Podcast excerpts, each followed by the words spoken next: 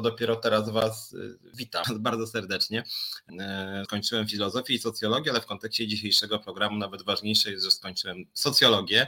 E, I o tym chciałem na początku powiedzieć. Generalnie rzecz biorąc, polecam Wam w tym kontekście, o tym mówiłem, tylko tego nie słyszeliście, książkę e, Petera Bergera, Tomasa Lackmana Społeczne tworzenie rzeczywistości. To jest książka, która pokazuje, jak bardzo, bardzo, bardzo jesteśmy determinowani przez kontekst społeczny, społeczny jak bardzo to, że jak bardzo nasze nawet najbardziej intymne wyobrażenia, nasze intymne postawy, nasze emocje, nasze uczucia e, są determinowane przez kontekst społeczny, mm, jak bardzo jesteśmy dziećmi naszej socjalizacji, jak bardzo zależymy od naszej rodziny, od naszych bliskich, ale też od naszych nauczycieli, od naszych znajomych z podwórka, od ludzi, których widzimy w telewizji, od systemu edukacji, od systemu mediów.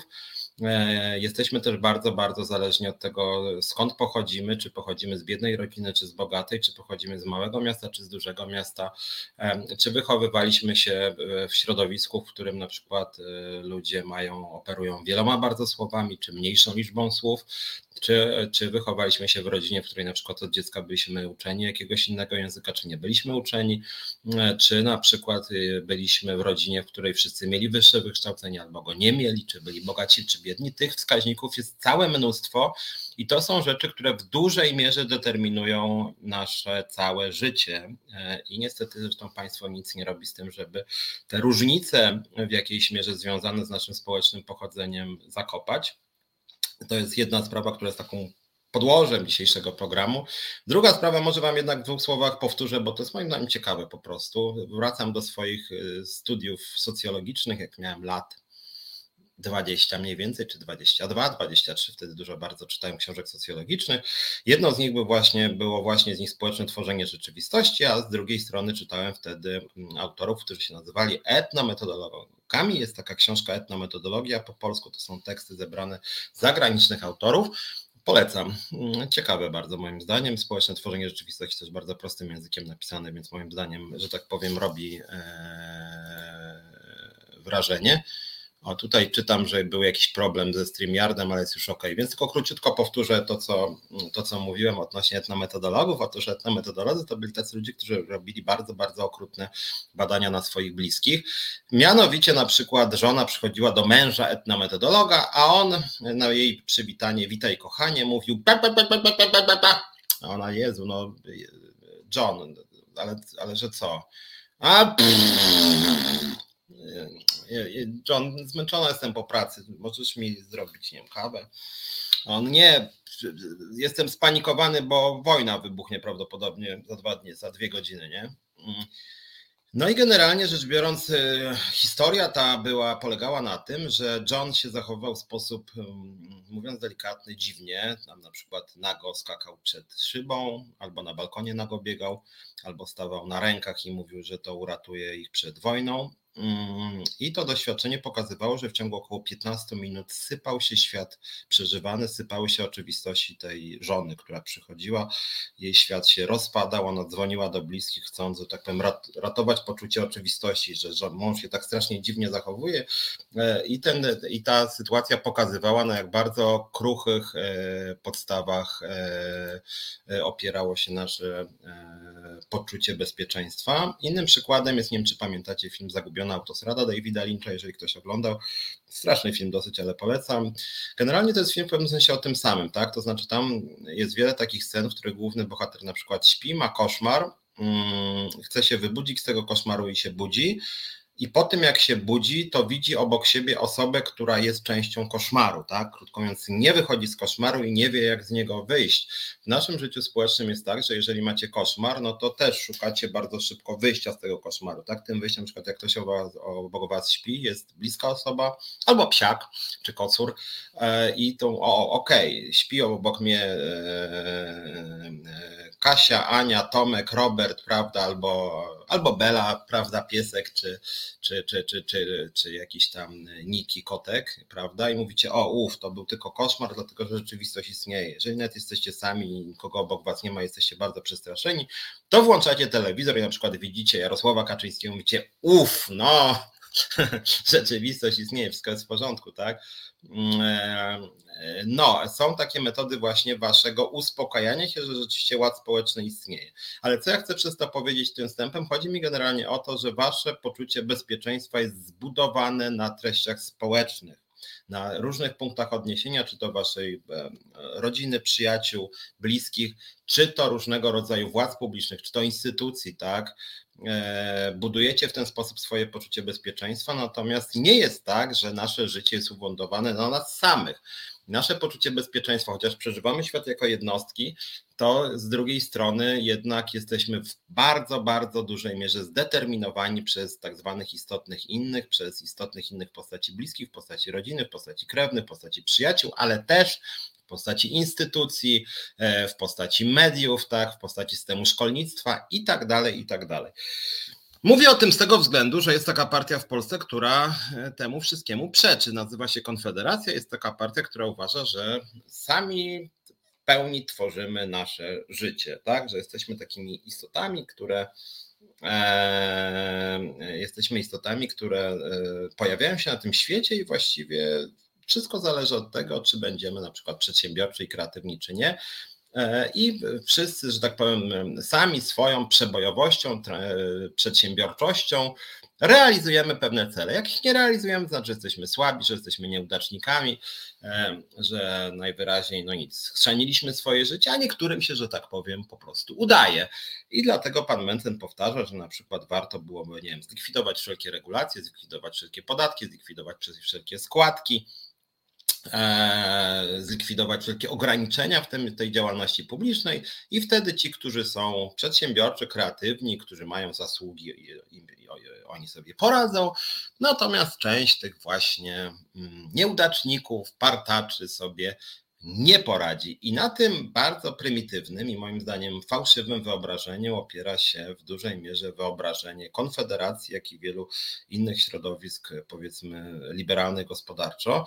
E, tego typu wyobrażenia ostatecznie opierają się na takim przekonaniu, że jesteśmy całkowicie niezależni od kontekstu społecznego. Przywołałem swoje studia socjologiczne i w ogóle książki socjologiczne i perspektywę socjologiczną, dlatego że socjologia bardzo, bardzo dobrze leczy z takiej prymitywnej optyki. Mm, socjologia pokazuje, że bardzo wiele zależy od tego, na przykład z, jakiego, z jakiej rodziny wyrośliśmy, na przykład czy nasi rodzice są bogaci czy biedni. Są badania, które pokazują na przykład, że bardzo duży wpływ na naszą karierę zawodową i na nasz status materialny ma to, czy nasi rodzice byli bogaci czy biedni, czy nasi rodzice byli z małej miejscowości czy z dużej, czy znali języki czy nie znali języków, czy, e, czy właśnie na przykład mieszkaliśmy w miejscowości, która była była biedna, czy która była bogatsza. No ja na przykład miałem to szczęście, że się wywodzę po prostu z Warszawy, co na starcie mnie uprzywilejowało, jak chodzi na przykład o dostęp do e, uczelni wyższej, do, na Uniwersytet Warszawski, z całą pewnością na przykład osoby, które się urodzi, urodziły, szczególnie na przykład we wsiach postpegierowskich, no znacznie miały utrudniony kanał awansu, tak? E, są też badania, które pokazują, że na przykład znacznie łatwiej jest awansować w życiu społecznym e, dzieciom, które się e, urodziły właśnie w rodzinach, gdzie są osoby z wyższym wykształceniem awansować, a znacznie trudniej tym, którzy urodziły się e, w rodzinie z gdzie są osoby bez wykształcenia, czy na przykład są osoby biedne, czy na przykład jak się ktoś urodził w rodzinie alkoholików, czy narkomanów, e, czy jeżeli są też badania, które pokazują, że na przykład znacznie wyższy poziom ubóstwa jest w rodzinach, w których są osoby z niepełnosprawnościami. Generalnie rzecz biorąc, naprawdę nie trzeba być bardzo mm, wrażliwym społecznie e, człowiekiem, żeby wiedzieć, że kontekst społeczny w dużej mierze nas determinuje E, I moim zdaniem lekcja polityczna jest taka, że naszym zadaniem jako, mm, czy może inaczej, zadaniem polityków, e, zadaniem ekspertów jest przedstawiać takie programy i je realizować, żeby właśnie zmniejszać te różnice w dostępie do różnych dóbr, żeby osoby, które na przykład są z biedniejszych rodzin, e, żeby osoby, które są w rodzinach z osobami z niepełnosprawnościami, na przykład miały odblokowane kanały awansu. Natomiast pan Mencen e, przedstawia łącznie z panem Korwin-Mikkem no taką perspektywę, że właściwie wystarczy znieść podatki, znieść składki, e, wystarczy zlikwidować urzędy i generalnie rzecz biorąc wtedy każdy tak zwany przedsiębiorczy człowiek wtedy sobie po prostu poradzi, niezależnie od tego, czy jest ze wsi postpegierowskiej, czy jest z rodziny rolniczej, czy jest z rodziny biednej.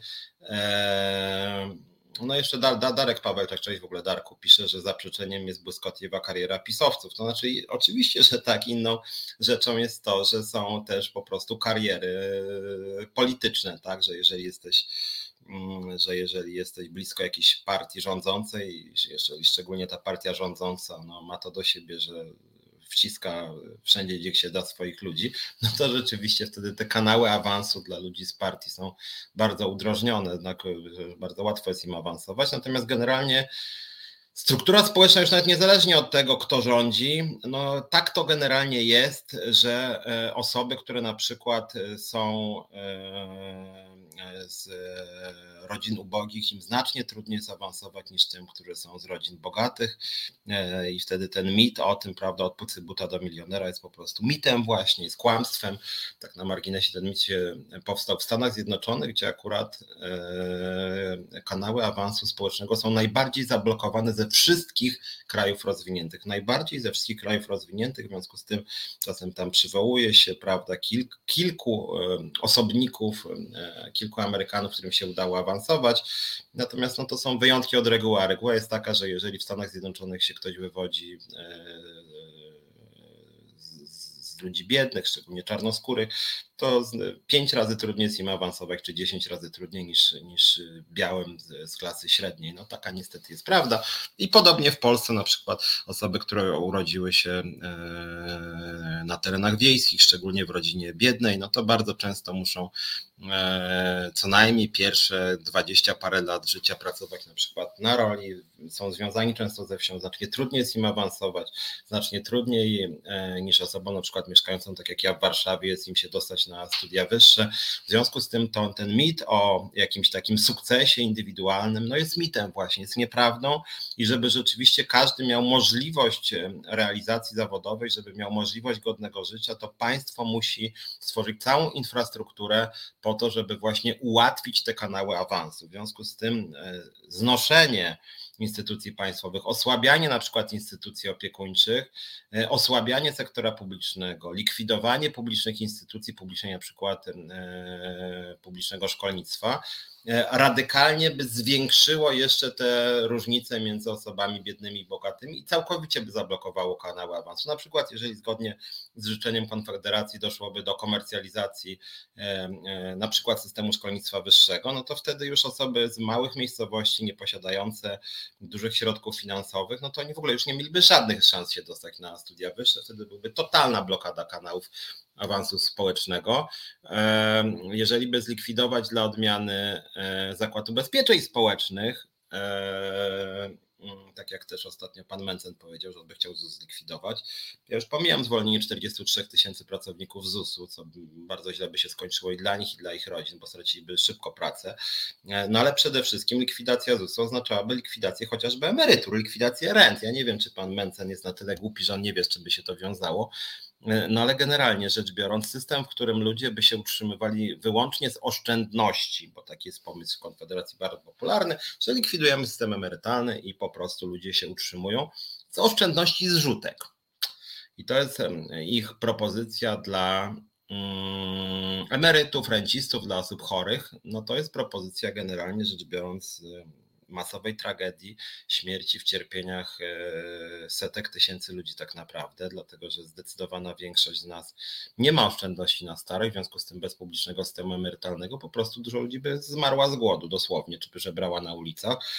Z drugiej strony likwidacja publicznej ochrony zdrowia sprawiłaby, że ludzie no po prostu e, nie mieliby możliwości e, się leczyć i również by umierali. Maria Mrozek pisze, że denerwują wyrażenie bez wykształcenia, często to słyszę, że wykształcenie jest rozumiane wyższe, reszta to głupki. Nie, to znaczy nie, nie, nie, Mario, ja w ogóle nie chciałem wartościować. Yy, to w ogóle nie, mój sąd nie był wartościujący. To nie jest tak, że osoby z wyższym wykształceniem są jakoś lepsze. Są tylko po prostu badania socjologiczne, które mówią, że osoby, które mają wyższe wykształcenie, znacznie łatwiej jest im awansować i że to się dziedziczy, tak? To znaczy, że jeżeli rodzice danej osoby mają wyższe wykształcenie, to zazwyczaj mają wyższy status społeczny i dzięki temu jakby ich dzieci na starcie są uprzywilejowane, tak? W takich krajach jak Szwecja, gdzie jest duża troska państwa o to, żeby właśnie nie było właśnie takich y, pionowych struktur, to tam również osoby, które mają wykształcenie podstawowe, znacznie łatwiej jest im awansować niż na przykład w Polsce, czy tym bardziej w Stanach Zjednoczonych, tak? Więc warto, więc ja to mam na myśli, nie żebym jak pogardę wobec kogokolwiek e, wyrażał. Co złego jest w tym, że tworzymy społeczeństwo, które opiekuje się niepełnosprawnymi ludźmi chorymi starymi, tworzymy dobrobyt, dzielimy się z potrzebującymi, to daje nam poczucie bezpieczeństwa wszystkim. Bogaty może stać się biednym też. To znaczy, Renato, generalnie rzecz biorąc, osobami z niepełnosprawnościami powinny zajmować się specjalistyczne instytucje, ludźmi chorymi też nie powinno się zajmować społeczeństwo, tylko lekarze leczą. To nie powinno być tak, że chory człowiek, ciężko chory jest skazany na pomoc rodziny, bo rodzina po prostu może się nie znać na ochronie zdrowia i wtedy ten chory człowiek umrze. Jeżeli byłoby tak, jakby chciał pan Mencen i pan Korwin-Mikke, że nie ma publicznej służby zdrowia i po prostu każdy płaci za ochronę zdrowia, to przy każdej poważniejszej operacji, zabiegu czy, czy długotrwałym leczeniu, taka osoba po prostu nie miała dostępu do leczenia, dlatego że na przykład leczenie nowotworów w prywatnej służbie zdrowia to jest totalne bankructwo, to znaczy to jest strasznie drogie. Zresztą prywatne placówki w ogóle się tym nie zajmują, bo wiedzą, że bo im się to nie opłaca, po prostu nie ma nikogo, kto by kogo byłoby na to stać, więc, więc generalnie Konfederacja chciałaby dosłownie, żeby ludzie masowo umierali, jak chodzi o e, system emerytalny czy ochronę zdrowia, dlatego uważam, że również w tej sprawie poglądy pana Mencena i pana Korwin-Mikkego są bardzo, bardzo e, szkodliwe. Inną sprawą jest to, że Ludwinia ma rację, że Korwin-Mikke pieniądze odziedziczył, nie ma pojęcia przedsiębiorczości i zarabianiu pieniędzy. Anna Kurczuk pisze słusznie, że poglądy Mencena są niedorzeczne i barbarzyńskie, natomiast ważne jest może to, ja dlatego o tym Mencenie mówię, bo on ma bardzo dużą popularność u ludzi młodych, o czym zaraz będziemy mówić, bo chciałem dzisiaj też trochę powiedzieć o związkach zawodowych, dlaczego warto wstępować do związków zawodowych i dlaczego pomysły Mencena są bardzo szkodliwe odnośnie rynku pracy. E, tutaj było pytanie o order dla Załańskiego, znaczy słuchajcie, to nie jest program o wszystkim, to jest program o związkach zawodowych. Ja bardzo chętnie w piątek z Krzyżeniakiem, jak będę możemy o Załańskim porozmawiać, nie wiem, znaczy też nie wiem, co ja mam powiedzieć, że dostał odznakę e, Orła Białego Załęski. No i co, co w związku? No dostał, no okej, okay, no jest moim zdaniem Załęski. Mm, no robi bardzo dobre wrażenie jako polityk, e, który no jest twarzą, że tak powiem, obrony przed Rosją. E, generalnie robi moim zdaniem dobre wrażenie, jest rzeczywiście bardzo heroiczny mam dla niego szacunek. No właśnie tyle, co ja mogę powiedzieć. Ten program w każdym razie jest rynku pracy, więc jeśli można, Abdullah, nie będziemy dzisiaj mówić o Załańskim. Mm, to nie jest program o polityce międzynarodowej. Eee, nie, służba, służba zdrowia państwa to nie jest fikcja Abdullah, to jest bzdura, nie jest to fikcja. Nie wiem, czy miałeś kiedykolwiek bliską chorą osobę w rodzinie, ciężko chorą, nie mam na myśli tylko anginy czy grypy, mam na myśli osoby z nowotworami, mam na myśli udary, mam na myśli e, zawały, Mam na myśli ciężkie złamania, ciężkie poparzenia. Bez Państwowej Służby Zdrowia osoby po prostu by zmarły.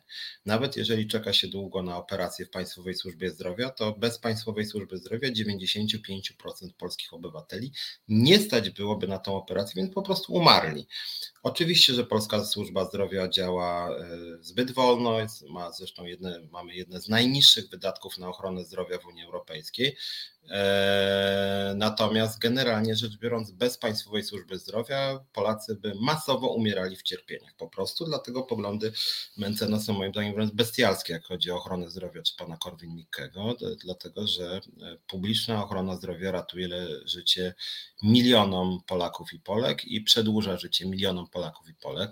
E, natomiast moim zdaniem, i to powinna być odpowiedź polityków wszelkich opcji tak naprawdę, to powinno być radykalne dofinansowanie, zwiększenie wydatków na publiczną ochronę zdrowia, e, to powinna być większa dostępność publicznej ochrony zdrowia, a nie tak jak by chciał Mencen, likwidacja dostępu do publicznej ochrony zdrowia, bo jeżeli ktoś nie ma pieniędzy, to na prywatną ochronę zdrowia może czekać i tysiąc lat. Po prostu, no tak.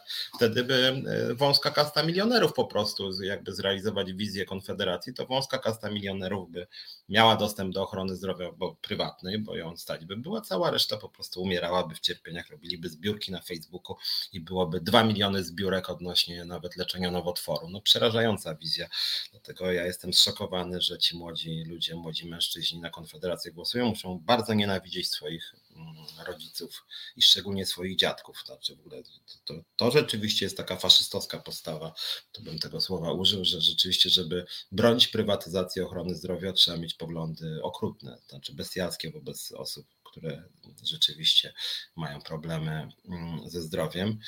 E, a tym rodzicom z wyższym wykształceniem to ktoś darował to wykształcenie, pyta Waldemar. No więc Waldemarze, o tym właśnie mówiłem, że nie jest tak, że mamy równy dostęp do szkolnictwa, nie jest tak, że mamy równy dostęp do rynku pracy. Nie jest tak, że jesteśmy równi w życiu publicznym, ponieważ są różne formy dyskryminacji, różne formy nierówności, które są dziedziczone.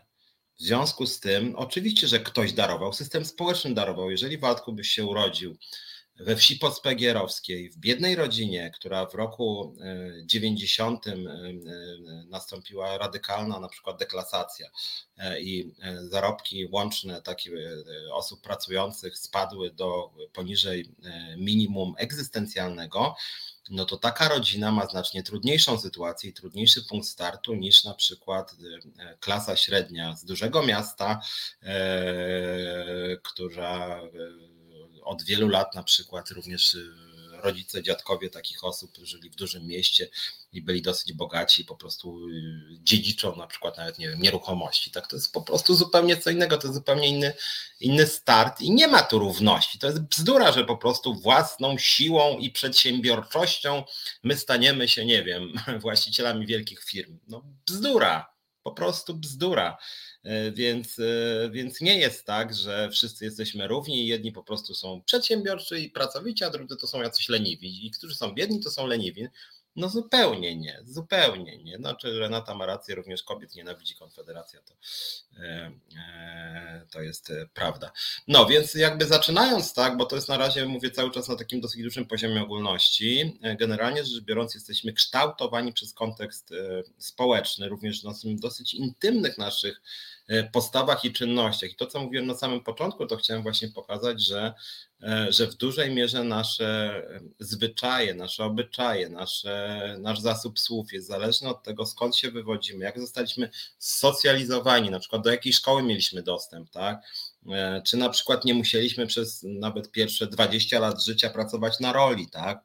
bo, bo, bo cały czas są takie części kraju, gdzie po prostu ludzie są bardzo e, biedni. No to Waldemarze, no to być może ja nie wiem, kim ty teraz jesteś, może miałeś szczęście, to znaczy jak ja lubię takie przypadki, jak ktoś pisze, no w związku z tym, że mi się udało, to znaczy, że każdemu może się udać. No tylko, że jest coś takiego jak badania społeczne e, i generalnie rzecz biorąc jest tak, że jeżeli się urodziłeś w biednej, biednej postpegierowskiej rodzinie, a ktoś inny się urodził w bogatej rodzinie z Warszawy, na przykład, czy Gdańska, czy Krakowa, to nie ulega żadnych wątpliwości, że znacznie łatwiej jest awansować i osiągnąć wysoki, wysoką pozycję społeczną tej osobie, która pochodzi z dużego miasta i ma bogatych rodziców. No. E, są, takie, e, są takie dzieci w Polsce na przykład i były takie dzieci w Polsce, nie wiem, 30-40 lat temu, kiedy na przykład już w pierwszych latach życia rodzice na przykład uczyli je języków, co dawało dużą przewagę, siłę na rynku pracy. Tak? Takie osoby, które dziedziczą po rodzicach na przykład kilka mieszkań. W związku z tym no, no, samo odziedziczenie tych mieszkań daje im pewien majątek po prostu duży, nigdy inne nie dziedziczą na przykład nic, prawda? E, e, w związku z tym no, są tutaj bardzo duże różnice. Z drugiej strony warto wspomnieć też o tym, że w Polsce dziedziczenie, jak chodzi o bezpośrednich członków rodziny, jest 0%, tak? 0%. PiS zniósł podatek od spadków, mm, co jest, jesteśmy jednym z mniejszych krajów, gdzie rzeczywiście podatek od spadków jest zerowy, a tutaj jak ktoś jest kapitalistą, to powinien mówić, że nie powinno być żadnych zasług z racji dziedziczenia, tak? Mm, że każdy powinien sam sobie wypracować, prawda? No a tymczasem tutaj, prawda, okazuje się, że liberałowie jednak są za dziedziczeniem. No ale w każdym razie wracając do e, tematu, e, a czy, czy mam wyrzuty sumienia z powodu ustawionych rodziców? Znaczy ja akurat nie miałem ustawionych rodziców. No, jedyne ich ustawienie polega na tym, że oni mieszkali w Warszawie, natomiast no, nie byli jakimiś bogatymi ludźmi, więc ja też nie jestem przykładem człowieka, który był jakoś strasznie uprzywilejowany. Ja tylko mówię o tym, że nie jest prawdą to, co mówi taki Mencen, co mówi taki Korwin Mikke, że wystarczy być kreatywnym, przedsiębiorczym i pracowitym, już osiągniemy sukces.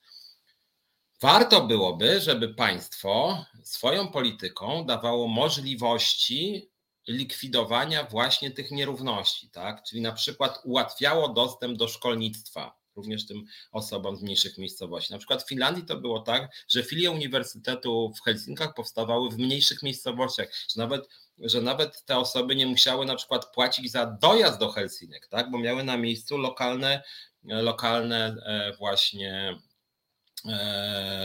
placówki uniwersytetu. Czy z drugiej strony rzecz bardzo ważna, o której mówiłem bodaj dwa tygodnie temu.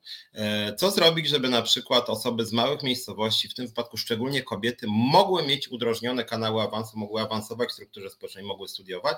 No to na przykład tutaj pozytywny przykład również z PRL-u, mianowicie w PRL były różne formy opieki instytucjonalnej nad dziećmi, również co ciekawe całodobowej opieki instytucjonalnej na terenach wiejskich, co oznaczało, że jeżeli, że jeżeli na przykład kobieta, młoda matka, teraz jest mowa w kontekście babciowego, jeżeli młoda matka e, mieszkała na terenach wiejskich, chciała pracować, to miała możliwość nieodpłatnie, nieodpłatnie lub za bardzo małą kwotę zostawić dziecko na 8, a nawet na 12 godzin w miejscu zamieszkania, tak? Na terenie wiejskim, na dzisiaj już w, na, na, w Polsce dzisiaj na wsi praktycznie nie ma opieki instytucjonalnej nad dziećmi, co bardzo blokuje kanały awansu właśnie kobietom. Więc nawet te, tego typu przykład, tak? Więc, więc generalnie rzecz biorąc, pewne rozwiązania instytucjonalne po prostu sprzyjają awansowi zawodowemu i przełamywaniu tych tych różnic społecznych, o których przed chwilą mówiłem, które często są z urodzenia. Więc ja mam na myśli teraz taką politykę, która właśnie wzmacnia różne instytucje państwowe, tak? Czyli na przykład ułatwia, no kolejny temat, prawda, tani wynajem w dużych miastach, prawda? Bardzo często, bardzo często trudno jest osobom z mniejszych miejscowości właśnie e, dostać się, nie wiem, do pracy, czy wcześniej na uczelnię do dużego miasta, z tego względu, że są bardzo wysokie ceny wynajmu, prawda? Dostępu do mieszkań. No są jeszcze na szczęście akademiki, mogłoby być ich jeszcze więcej, mogło mogłyby być, e, mogłyby być, mogłoby być tego więcej. Waldemar cały czas powtarza, że on jest kreatywny, przedsiębiorczy i że fantastycznie nie chcieli klewać biedy jak rodzice i w związku z tym wszyscy tak mają. No Waldemarze, sorry, ale poczytaj trochę danych socjologicznych, poczytaj po prostu trochę danych Głównego Urzędu Statystycznego, jak wyglądają kanały awansu społecznego w Polsce. Empirycznie, empirycznie jest tak, że osoby z małych miejscowości znacznie trudniej jest im awansować, po prostu, szczególnie w momencie, kiedy się wywodzą z rodzin e, ubogich. Po prostu znacznie trudniej im awansować, to jest pewien fakt. I dlatego warto przedstawić program modernizacji wsi, modernizacji wsi, a nie to, co robi teraz PiS.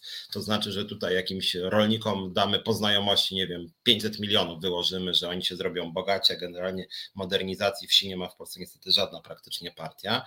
Jakbyście się przyjrzeli to, co jest w krajach zachodnich, to w krajach zachodnich e, wsi praktycznie nie ma już.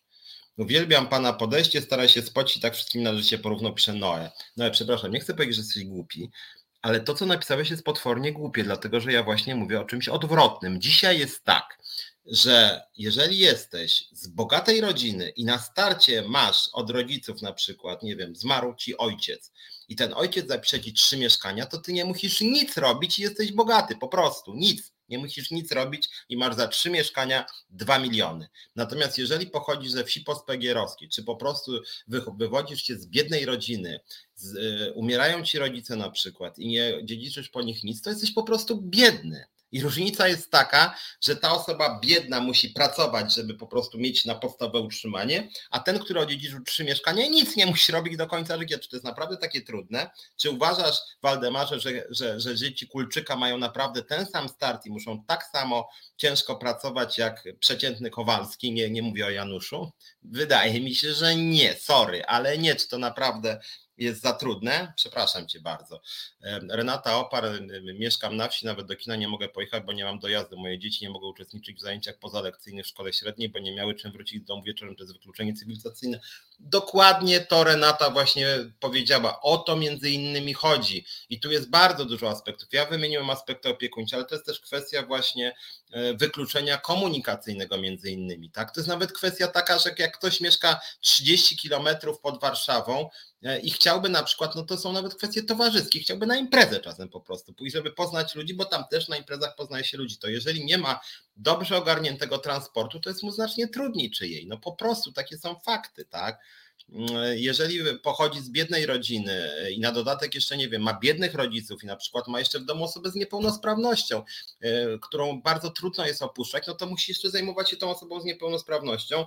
E, transport do Warszawy kosztuje, e, kosztuje i trwa, kosztuje sporo i albo trwa długo, w związku z tym ma tym trudniejszą drogę, natomiast jeżeli jesteś z rodziny bogatej, no to ogarniasz opiekę dla tej osoby z niepełnosprawnością, a przy okazji bardzo szybko możesz się znaleźć w centrum, możesz sobie pracować, przy okazji jeżeli masz pieniądze dostać się na przykład na komputer, łatwiej ci pracować zdalnie i tak dalej, i tak dalej. No tutaj te, te formy wykluczenia jakby są bardzo różnorakie e, i dla mnie Konfederacja to jest taki symbol partii, która tego w ogóle nie widzi, taka, znaczy takiej głupoty e, cynicznej, tak? E, która uważa, że w ogóle takich problemów jak wykluczenie transportowe, jak, jak, jak dziedziczenie biedy, jak kwestie związane z wykluczeniem z powodu tego, że jest osoba z niepełnosprawnościami w domu, że oni tego w ogóle nie widzą. Oni uważają, że wystarczy być tam kreatywnym, przedsiębiorczym, tam właśnie z wiosek, tak jak Waldemar trochę pisał takie głupoty, tak? Że, że jak ktoś chce, to wszystko jest w porządku, tak? A później no to generalnie młodzi mężczyźni tak bardzo lubią to powtarzać. Jak później nagle się okaże, że, że bliska osoba na przykład, nie wiem, będzie sparaliżowana, nagle mówię, o kurczę, no może jednak to trochę się myliliśmy, nie? To jednak nie jest takie łatwe, jak się ma w domu e, osobę cierpiącą, albo jak się nie odziedziczyło majątku po tatusiu, no to już jednak jest trochę gorzej. Eee, eee, Jola M. Jaka uawansowałeś na wsi, urodziłeś na wsi, zostałeś nawet jeśli dokupiłeś hektarów, masz się za Bambra. Nie wszyscy mogą zostać magistrami, ale może to lepiej patrząc na wielu magistrów. Znaczy nie, no w ogóle inna sprawa jest taka, że trochę właśnie te, e, trochę e, się sprawa e, też dewaluacja dyplomów nastąpiła. To jest jedna, inna sprawa, ale generalnie rzecz biorąc wszystkie badania pokazują, że cały czas w Polsce wyższe wykształcenie no jest jakimś elementem, którym ułatwia awans na rynku pracy, chociaż z drugiej strony zdecydowanie lepiej wykształcone są kobiety niż mężczyźni, mimo to one są dyskryminowane i mniej znacznie zarabiają, ale ogólnie rzeczywiście wykształcenie jest czymś e, ważnym e, i wykształcenie często jest skorelowane z pochodzeniem społecznym. No po prostu jest systemowa. To, że istnieje jakiś Waldemar Wysokiński, który akurat jemu się udało, są takie osoby, którym się udaje, e, ale generalnie równości start tutaj nie ma i państwo nie robi prawie nic, żeby właśnie ten start ułatwić. Typowo miastowy punkt widzenia Waldemara pisze. Waldemar, przepraszam cię bardzo, ale naprawdę są na ten temat dane. Jeżeli wychodzi, ja nie wiem, czy kwestionujesz naprawdę fakt, że jak pochodzisz z, e, z, biednej rodziny, to tak samo łatwo ci awansować, jak pochodzisz z bogatej rodziny. No sorry, ale pomyśl może 5 minut zamiast takie głupoty pisać. No. E, E, ludzie, Urszula Kwiatkowska-Sznerch, ludzie mogą być równi tylko wobec prawa, w żadnym innym wypadku ludzie nie są równi, mają różny potencjał genetyczny, kulturowy wokół siebie i bardzo istnieją różne możliwości rozwoju tego potencjału na tysiące różnych parametrów własnego ciała ludzi bliskiego szerszego środowiska społecznego, gospodarczego. Zgoda Urszulo, tylko generalnie nie dorabiajmy ideologii, że jedni są biedni, drudzy są bogaci, to fajnie, że biedni realizują swój biedny potencjał, a bogaci swój bogaty potencjał. Rzecz właśnie polega na tym, ja nie mówię, że, że, że, że wszyscy mamy być równi, ja mówię o tym, że dobrze byłoby tam na przykładzie, co jedna z naszych koleżanek tu napisała, żeby na przykład nie wykluczać komunikacyjnie osób mieszkających na przykład 40 e, kilometrów e, od Warszawy, żeby oni mieli łatwy dojazd do stolicy, gdzie jest mnóstwo różnego rodzaju możliwości rozwoju zawodowego, e, dostępu do szkolnictwa wyższego, dostępu do zabawy, do kin, teatrów, filharmonii. Jest dużo więcej ludzi, z którymi można się po prostu spotkać, więc może to życie być również bardziej satysfakcjonujące towarzysko, tak? Więc to są takie naprawdę rzeczy dosyć, wydaje mi się, oczywiste i zadaniem państwa w tym kontekście jest to, żeby rzeczywiście państwo ten awans ułatwiało i tych rozwiązań jest sporo. To jest kwestia właśnie transportu publicznego, to jest kwestia E, opieki instytucjonalnej, o której mówiłem, że jak ktoś chce pracować nawet w, e, w miejscu oddalonym o 50 kilometrów, to, to musi z kimś zostać dziecko, tak? Więc nie żadne babciowe czy 500, plus, tylko po prostu musi być opieka instytucjonalna. I tak samo jak chodzi o dzieci, tak i chodzi o seniorów, powinna być opieka instytucjonalna. Ja dlatego między innymi dzisiaj nawet na Twitterze niektórzy mnie atakowali, dlaczego ja krytykuję babciowe Donalda Tuska, tak? A ja to cały czas powtarzam rozwiązaniem problemów na rynku pracy, dyskryminacji kobiet to nie jest sypanie kasy. Rozwiązaniem jest opieka instytucjonalna nad dziećmi, nad seniorami nie jest rozwiązaniem to, że wpuścimy na, na rynek pracy młode kobiety po to, żeby e, nieco starsze kobiety zajęły się dziećmi. Tak? 25-30-latki wejdą na rynek pracy po to, żeby z rynku pracy, pracy wyleciały 55-60-latki. No to jest de facto pomysł Donalda Tuska.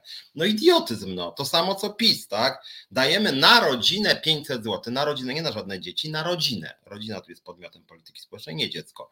W związku z tym moim zdaniem i dla dobra dzieci, i dla dobra kobiet, i dla dobra mężczyzn, i dla dobra rodzin, znacznie lepszym rozwiązaniem niż sypanie kasą na lewo i prawo jeszcze bez kryterium dochodowego e, e, jest to, żeby były rozwinięte instytucje opiekuńcze, nieodpłatne instytucje opiekuńcze. W momencie, kiedy dziecko będzie zaopiekowane, małe dziecko, przez instytucję opiekuńczą, nawet nie 8 godzin, a nawet w niektórych sytuacjach dużo więcej, to wtedy i mężczyźni, i kobiety będą mogły realizować swoją karierę zawodową. Jeżeli będzie opieka nad seniorami, jeżeli będzie wsparcie pełne dla osób z niepełnosprawnościami i opieka nad tymi osobami, to również ludzie będą mogli łączyć obowiązki e, domowe i obowiązki e, zawodowe, tak? Natomiast w sytuacji, w której tak bardzo słabo jest rozwinięta opieka instytucjonalna żłobkowa i nie ma praktycznie opieki instytucjonalnej senioralnej, to w momencie, kiedy e, w danej rodzinie pojawia się osoba ciężko chora, ciężko chora, niedołężna, schorowana, sparaliżowana, to oznacza, że ktoś wypada z rynku pracy po prostu. No bo, no bo co, no ktoś się musi zająć tą osobą, przecież nie zostawi się tej osoby, że ona umrze, zajmujemy się naszymi bliskimi.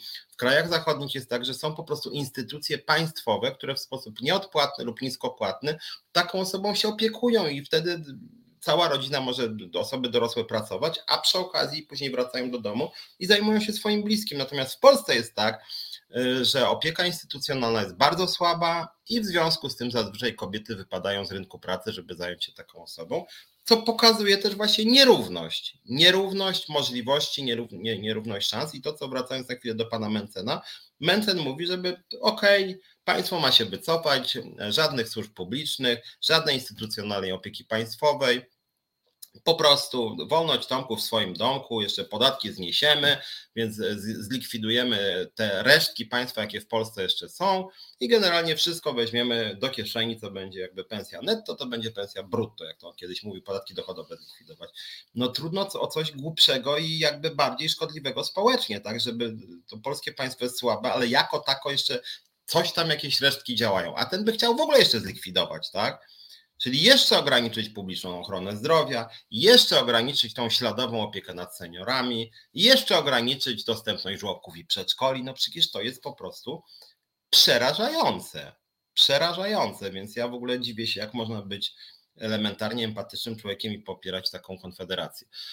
Urszula, poszukiwanie wszelkich możliwych sposobów, by równać szanse rozwoju każdego człowieka jest podstawowym obowiązkiem państwa. Edukacja, ochrona zdrowia, transport, stypendia, instytucje wspomagające opiekę, edukację, terapię. No nie, no tak, to tu się, tu się zgadzamy, może cię wcześniej źle zrozumiałem, więc też mi się właśnie wydaje, że tu nie chodzi o to, żeby wszyscy byli identyczni, tylko żeby otworzyć kanały awansu przez właśnie rozwój instytucjonalny. To, czego nie lubi Konfederacja, to to właśnie warto najbardziej rozbudowywać, tylko w Polsce niestety mamy smutną strasznie alternatywę. Ja do tego apeluję od wielu tygodni do partii opozycyjnych, żeby coś z tym zrobiły. E, do koalicji, do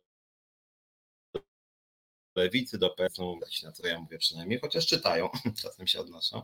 W Polsce mamy strasznie smutną alternatywę, że z jednej strony mamy mm, tych, którzy rozdają pieniądze po prostu na lewo i prawo, czyli nie oferują usług publicznych, nie oferują profesjonalnej opieki nad dziećmi, czy tym bardziej nad seniorami, tylko mówią, dobra, macie 500, 1000, teraz tu zwalną 1500, jak znam życie, to niedługo Lewica powie 2, w końcu Kaczyński tuż przed wyborami mruknie, to ja dam 2,5, e, e, i to jest jedna strona, a druga strona to jest pan Mencen i Konfederacja, która mówi e, dość rozdawnictwa, wszystko tniemy, tak? Czyli mamy albo rozdawanie pieniędzy, albo likwidację państwa de facto, czyli całkowicie państwo nic zupełnie nie oferuje. W pierwszym modelu państwo oferuje pieniądze i za te pieniądze każdy sobie ma sam poradzić, a w drugim przypadku nic państwo nie oferuje, tylko po prostu kasujemy podatki i ludzie, jak mają pracę w ogóle, to zarabiają więcej na rękę, tak? W związku z tym mamy e, e, partię okrutników, Konfederację, która nie chce nic oferować, to znaczy jest e, po prostu chce otwarcie moim zdaniem szkodzić obywatelom. I mamy partię odpisu e, po koalicję, e, które to mówią, że, mm, że państwo powinno dawać trochę pieniędzy obywatelom, ale tam również się nie mówi nic o dostępności żłobków, przedszkoli, o opiece senioralnej, to w ogóle nikt już prawie nie mówi, e, o, o dostępności transportu publicznego i tak dalej, i tak dalej. A to jest alternatywa, bo ja też jestem, ja też uważam, że to rozdawanie pieniędzy to jest jakaś jakieś kuriozum. No właściwie państwo powinno wchodzić, ja to powtarzam w tym programie często, państwo powinno wkraczać tam, gdzie nie radzą sobie obywatele. Obywatele sobie nie radzą z opieką żłobkową, z opieką senioralną, e, nie radzi sobie, nie radzą sobie obywatele sami z ochroną zdrowia, nie radzą sobie z wypłatą emerytur, rent, e, nie radzą sobie z polityką mieszkaniową, nie radzą sobie z transportem i tym powinno zajmować się państwo. A nie, że państwo zabiera środki, podatki, y, zresztą mało progresywne są w Polsce podatki, jakby biedni płacą w sumie niewiele mniej niż bogaci, zabiera wszystkim po to, żeby dać wszystkim bez kryterium dochodowego. Wszystkim zabiera i rozdaje sobie w postaci 500 plus wszystkim rodzinom, również dzieciom milionerów. E, zamiast zająć się przede wszystkim na przykład opieką właśnie żłobkową, opieką przedszkolną, czy powtarzam to w tym programie często, wysokiej jakości posiłkami w szkołach. Dzięki tym posiłkom w szkołach i dzięki opiece żłobkowej przedszkolnej dostępnej dla wszystkich dzieci, kobiety biedne i bogate byłyby odciążone, mężczyźni biedni i bogaci byliby odciążeni. Wszyscy mogliby łączyć e, funkcje e, właśnie zawodowe i rodzinne. I to jest droga, a nie właśnie licytowanie się z pisem, kto da więcej. Tak, 1000, 1500, 2, 4500, nie? E, to jest rzeczywiście dziwne i głupie po prostu. Ja to też piszę ostatnio o platformie, niestety nie wiem, czy oni nie rozumieją, czy oni udają, że nie rozumieją. Eee, Maria Mrozek, pomoc powinna być uzależniona od dochodu, a nie, że za morzem się dosypuje. Znaczy, moim zdaniem usługi powinny być dla wszystkich, dlatego że generalnie rzecz biorąc i biedni ludzie, i bogaci ludzie chcą łączyć obowiązki zawodowe i rodzinne i tu państwo powinno wchodzić. Ja dlatego jestem zwolennikiem rzeczywiście wysokiej jakości posiłków dla wszystkich dzieci, i biednych, i bogatych. Natomiast pomoc finansowa, podkreślam, pomoc finansowa, należy się wyłącznie tym, którzy sobie nie radzą, którzy są bardzo biedni, tak? Bo ja nie rozumiem rzeczywiście, po co milionerowi dosypywać 500 zł jeszcze. To w ogóle jakiś kuriozum jest. E, natomiast warto byłoby, i to akurat y, w krajach skandynawskich, które są takimi wzorcowymi przykładami krajów socjaldemokratycznych, posiłki w szkołach są dla wszystkich dzieci, niezależnie od tego, jak bogaci są rodzice, między innymi po to, żeby nie stygmatyzować tych biednych dzieci, żeby nie było sytuacji, że jedno dziecko dostanie posiłek na, nie wiem, na jakimś tam papierowym talerzyku, a drugie na metalowym, prawda, czy szklanym. E, więc w związku z tym e, wydaje mi się, że, że, że, że, że, że, to jest dobra droga, niestygmatyzująca i przy okazji pozwalająca odciążyć wszystkich rodziców, tak, że wszyscy rodzice mogą łączyć dzięki tym posiłkom w szkołach właśnie obowiązki zawodowe i rodzinne. Nie, nie trzeba gotować wtedy w domu, że można spędzać, rodzice mogą spędzać, opiekunowie czas po prostu w pracy. I to jest moim zdaniem dużo lepsze rozwiązanie niż jakieś 500 plus czy 1500 plus. Czy państwo może zabezpieczyć opiekę dla dzieci na wsi lub dla osób starszych w małych, bardzo małych miejscowościach? Blesso pisze, pyta, koszt prywatnego domu opieki dla starszych to ponad 5000 zł za osobę. Właśnie o tym mówię, w pełni się zgadzam i właśnie moim zdaniem wyzwaniem państwa jest między innymi ta opieka instytucjonalna w małych miejscowościach, tak? Żeby jednak była taka szansa, tudzież inne rozwiązanie, e, żeby, e, żeby łatwo było dojeżdżać do miast, żeby łatwo się przeprowadzać do miast, na przykład PRL miał sporo wad, ale akurat w PRL-u była dużo, du, duża migracja ze wsi do miast. W ostatnich latach w Polsce jest bardziej migracja, co ciekawe, z miast do wsi. To jest dziwne takie.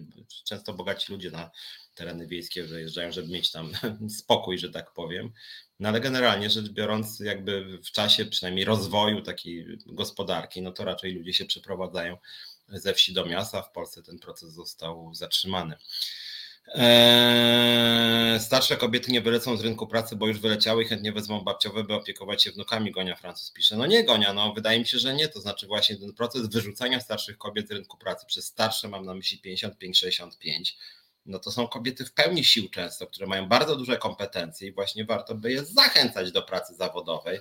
I moim zdaniem to w ogóle jest jakieś smutne strasznie, że, że, że, że, że, że nawet szef wydawałoby się postępowej deklaratywnie partii jakimś babciowym, zamiast, e, zamiast kreślić dla tych starszych kobiet i mężczyzn zresztą też no, wizję takiej godnej starości, że na stare lata to się podróżuje po świecie, to się bawi, to się tańczy, to się odpoczywa, a nie zajmuje się wnukami. Zajmuje, wnukami to się spotyka na imprezie rodzinnej, można odwiedzić dla przyjemności, ale nie jako praca, że codziennie po prostu babcia ma siedzieć e, z dzieckiem dwuletnim i to ma być dla niej przyjemne jeszcze. No to, to jest ultrakonserwatywne. No generalnie jakbyście, jak ja byłem paręnaście razy za granicą na wakacjach i tam rzeczywiście jest bardzo dużo, bardzo dużo, naprawdę dużo seniorek, z Niemiec, Francji czy Japonii, gdzie się pracuje bardzo długo. Krótko mówiąc, emerytura służy, że tak powiem, w wielu krajach do odpoczywania, a nie zajmowania się wnukami. To jest takie wmawianie kobietom koło 60 czy 70, nawet że ich największym marzeniem to jest non-stop etatowo zajmować się dziećmi, wnukami. No nie jest to żadne marzenie. No są, można posiedzieć ich czasem, ale bez przesady. No dajmy tym kobietom też prawo do, y, do odpoczynku, tak? E, Danuta Bąk, panie Piotrze, aby zorganizować natychmiast opieki instytucjonalnej po prostu nie da się, więc przejściowo można by tak zwanym babciowym wesprzeć tych, których, którzy zechcą sami zaopiekować się wnukami. ja ci powiem Danuta jedną rzecz. Nawet jeżeli, częściowo masz oczywiście rację, nie da się w pół roku wybudować żłobka, jak tam Lewica mówi, jakieś 300 tysięcy miejsc, dwa lata, też bajerują. Okej, okay, ale w takim razie to stwórzmy inny system to stwórzmy taki system, póki co, póki jeszcze nie ma tej opieki instytucjonalnej, no to może w takim razie byśmy się zastanowili, żeby polskie państwo, polskie państwo, tak jak Związkowa Alternatywa proponuje, żeby polskie opiekunki w Niemczech były objęte układem zbiorowym i żeby ich praca była nadzorowana przez państwo albo samorząd polski i niemiecki, to tak samo zróbmy w Polsce. Zróbmy taki rejestr. Ile osób, osób, ja nie mówię o żłobkach teraz, osób chce się zajmować małymi dziećmi, niech tym się zajmą na przykład samorządy, czy domy pomocy społecznej, czy urzędy pracy. Można ustalić sobie. I niech takie osoby mają ustalone na przykład wynagrodzenie przez państwo, przez państwo, czy jakieś limity przynajmniej. I niech państwo to koordynuje. I tam by się zgłaszały różne osoby. Proszę bardzo, w tym babcie, tak zwane, w tym babcie niech się zgłaszają. I niech one mają sformalizowane umowy na przykład obejmujące tam płaca minimalna wchodzi w grę, BHP przepisy i tak dalej. E, w Szwecji na przykład są również różne zindywidualizowane formy e, opieki, e, więc tego typu, o których teraz mówię, więc warto, bo to może w ten sposób to sformalizujmy. Jest teraz w Polsce sporo osób, kobiet też z Ukrainy, tak, które przyjechały Więc żeby też zaprzepaścić, żeby przeciwstawić się wyzyskowi, to może w ten sposób instytucjonalizować, że niech będą kobiety i mężczyźni, jakby chcieli też, którzy chcieliby się zajmować dziećmi, ale w takim razie niech państwo sprawuje nad tym nadzór, a nie, że dajemy 1500 zł i zobaczymy na co to pójdzie, tak? No bo to jest trochę tak jak z 500 plus, no. Mnie to dziwi, że liberałowie z Platformy bronią tego 1500, a sami krytykowali 500 plus właśnie słusznie częściowo za to, że te 500 plus to w ogóle nie jest nacelowane na dziecko, tylko to jest tak, że 1500 masz, masz tutaj kobieto, e, nawet jakbyś wcześniej już chciała pójść do pracy, to po prostu dostaniesz 1500 zł i sobie kupisz za to, nie wiem, wycieczkę, wino, spacer, książkę, a może dasz babci, a może dasz żłobkowi.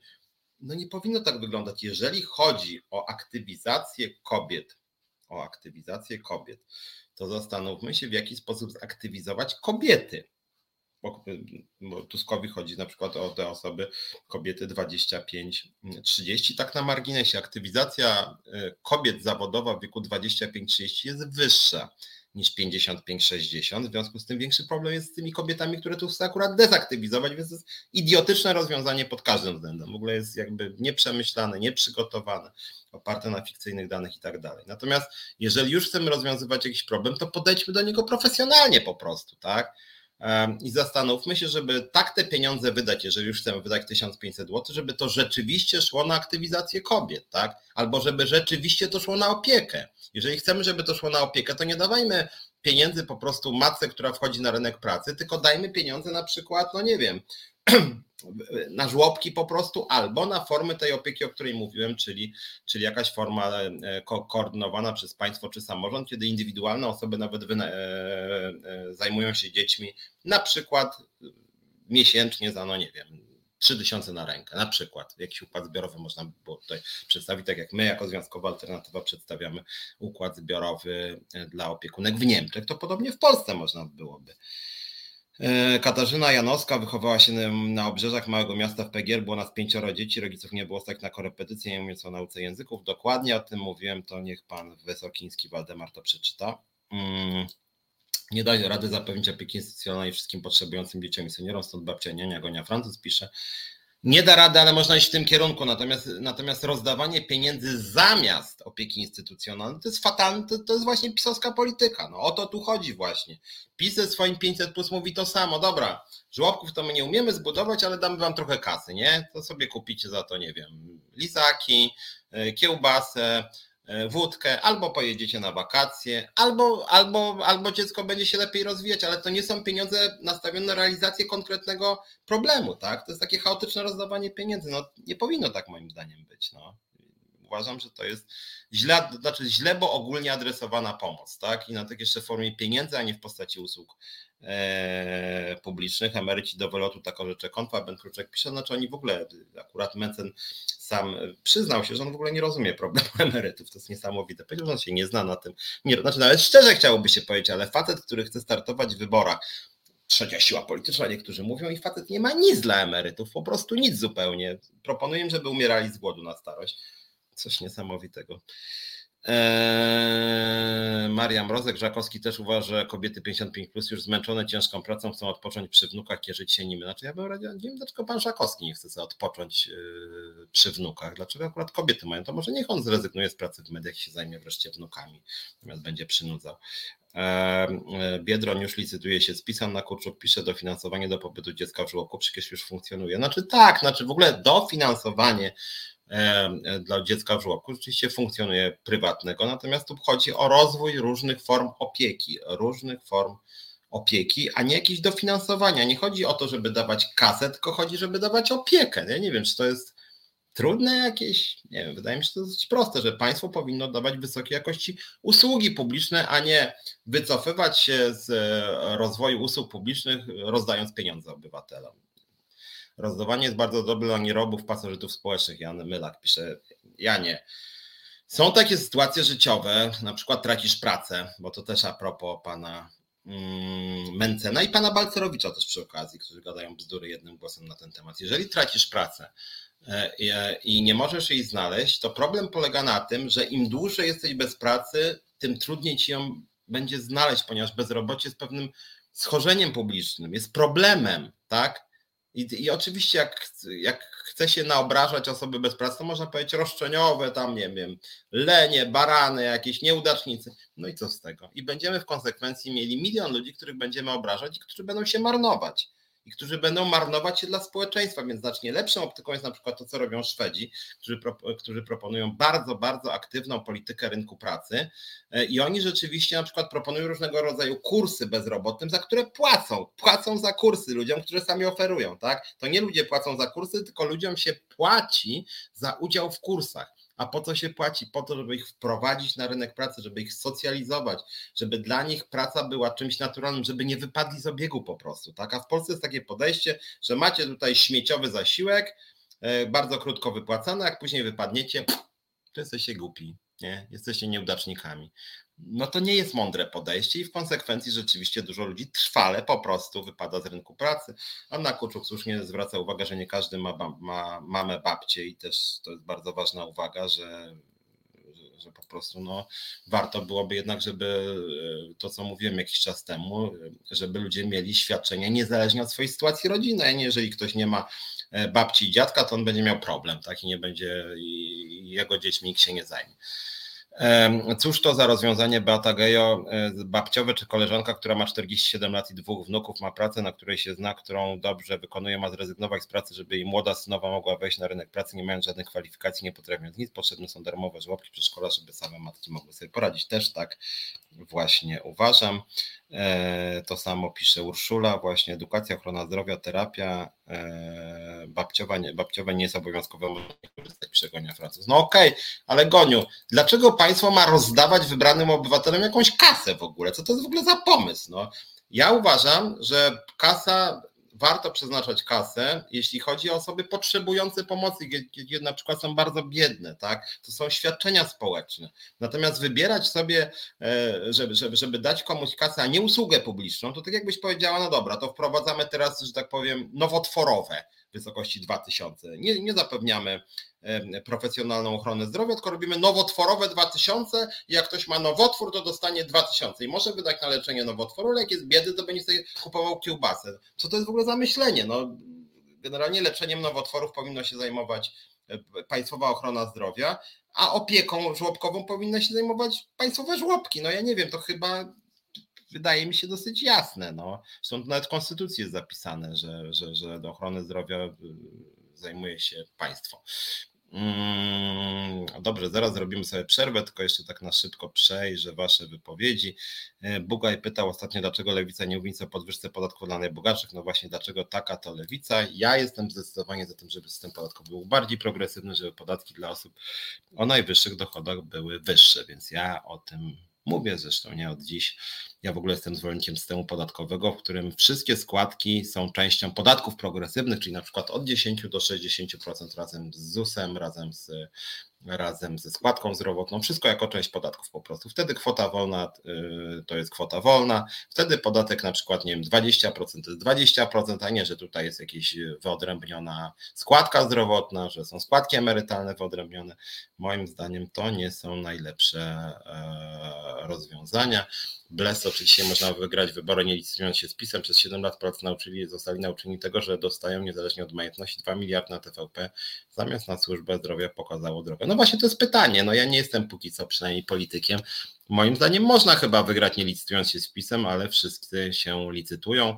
Piotr Strychalski pisze, że wpychanie kobiet do kuchni to ulubione zajęcie tradycjonalistów, no i PiSu w tym sensie też. Czy ktoś widział kiedykolwiek ofertę pracy dla osoby 50+?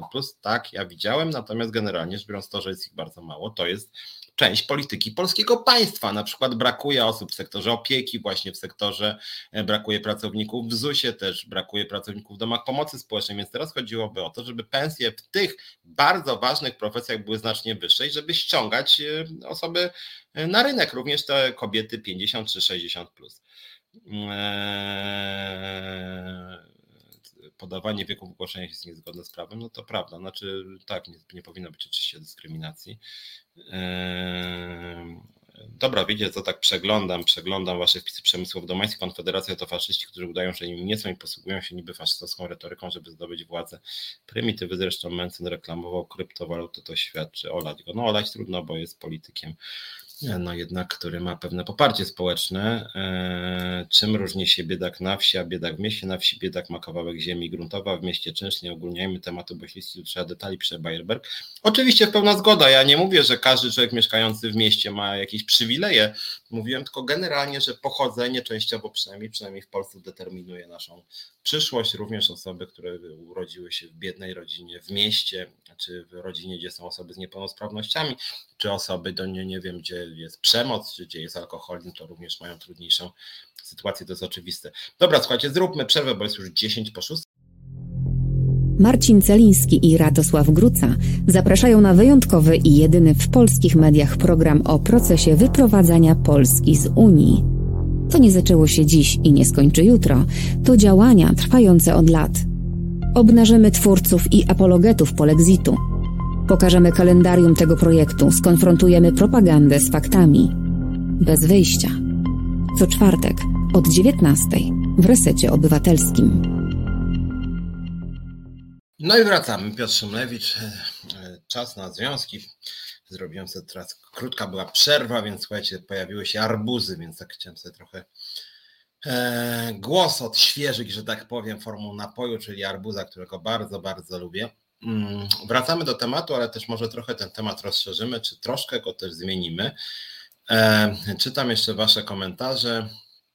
Mm, Kasa na dziecko jest od lat w krajach zachodnich dostają ją rodzice, po prostu konkretna kasa na każde dziecko, Waldemar pisze. Otóż mylisz się, Waldemarze, właśnie mylisz się. Kasa nie jest dla rodziców na dziecko, kasa w rozwiniętych krajach zachodnich idzie na posiłki w szkołach. Nie dostają rodzice, dostają dzieci w postaci posiłków, dostają dzieci w postaci pielęgniarki w szkole, w postaci dentysty w szkole, w postaci wysokiej jakości edukacji, także rodzice nie muszą płacić za korepetycje, tak jak w Polsce, w postaci podręczników, co nawet w Polsce Platforma w podstawówce swego czasu wprowadzała. I to są dobrze adresowane pieniądze, bardzo dobrze adresowane pieniądze, tak, a nie właśnie, że macie rodzice po tysiaku i co, zróbcie co chcecie z tymi pieniędzmi, to jest polskie podejście do sprawy. Dobra, słuchajcie, wracamy do. Tu jeszcze Jan Me, jak Melak pisze, że co, że e, cwaniaki nie robią, co do dziesiątej śpią, nic nie pracują, tylko po zasiłki chodzą. Mm. Ja nie. Generalnie rzecz biorąc, życie z zasiłków nie jest jakieś bardzo przyjemne i to jest jakiś mit, że w Polsce to bardzo łatwo jest po prostu mm, dostawać jakieś miliony z tych e, świadczeń społecznych. Nie, są to miliony, bo na przykład zasiłek dla bezrobotnych jest chyba najniższy w Polsce w Unii Europejskiej. E, natomiast generalnie ja cały czas powtarzam, ja nie jestem zwolennikiem jakiegoś rozdawania pieniędzy, szczególnie w ramach polityki rodzinnej. Jestem zwolennikiem tego, żeby państwo stwarzało możliwości wchodzenia na rynek pracy, możliwości tego, żeby właśnie mieć dostęp do usług publicznych, e, żeby były posiłki w szkołach, żeby była opieka żłobkowa, żeby była opieka e, przedszkolna przepraszam, żeby była opieka senioralna, żeby było wsparcie dla osób z niepełnosprawnościami w postaci na przykład bezpłatnych również wózków i innych elementów, właśnie możliwości korzystania do, z infrastruktury e, przez wszystkich obywateli i tak dalej, i tak dalej. Tego jest bardzo, bardzo dużo. Dobra, słuchajcie, e, chciałem teraz drugi temat trochę e, który się jakoś tam wiąże z tym pierwszym tak naprawdę, mianowicie zajawiałem dzisiaj, po co nam Związki zawodowe, jaki jest ich cel i również można powiedzieć, mm, inspiruje mnie trochę, tutaj zainspirował mnie pan Korwin Mikke, częściowo Mency, nawet Korwin Mikke bardziej. Korwin Mikke, który zawsze powtarzał, że związki zawodowe warto przegonić, rozwiązać, zlikwidować, a nawet do nich strzelać swego czasu. Pan Korwin Mikke mówił, że tacy ludzie są w polskim parlamencie. No smutne to jest dosyć, no ale są. Natomiast generalnie rzecz biorąc, e, ja się bardzo dziwię, szczerze powiedziawszy, że pan Korwin Mikke czy pan Mencen i inni tam ich koledzy z klubu Konfederacji e, tak naprawdę nie bronią związków zawodowych, bo wszyscy, którzy się zowią wolnościowcami, a co prawda wolnościowcy z tej koalicji wypadli, a oni wszyscy uważają się za wolnościowców, powinny bronić związków zawodowych, dlatego że związki zawodowe to są oddolne organizacje ludzi pracy, którzy wiążą się w związki zawodowe i wspólnie walczą o swoje interesy. A przecież, no jak ja słyszę Mencena, no to on bez przerwy powtarza, że wszyscy powinni walczyć o swoje interesy i państwo nie powinno przeszkadzać ludziom w walce o swoje interesy. No to związki zawodowe, e, e, związki zawodowe są e, właśnie taką oddolną organizacją ludzi pracy, którzy walczą o swoje interesy.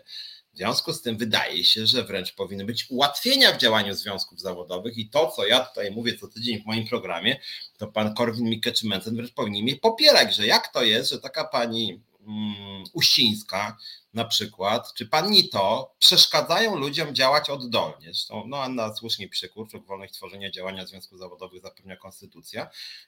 I to jest oczywiście prawda i konstytucja jest coraz częściej niestety łamana na przykład przez taką Gertrudę Uścińską z ZUS-u, czy pana Nito z Polska.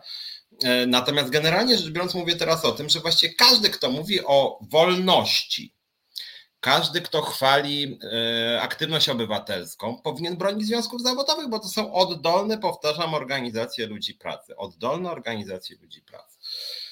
I teraz może taki wstęp krótki, znowuż też zacząłem ten poprzedni od, e, fragment naszego programu, mm, znaczy zacząłem, jak wy nie słyszeliście mnie jeszcze, ale generalnie zacząłem od tego, że skończyłem właśnie socjologię i starałem się pokazywać to takie tło społeczne mm, różnych zjawisk i zdarzeń, że jesteśmy zależni od kontekstu społecznego.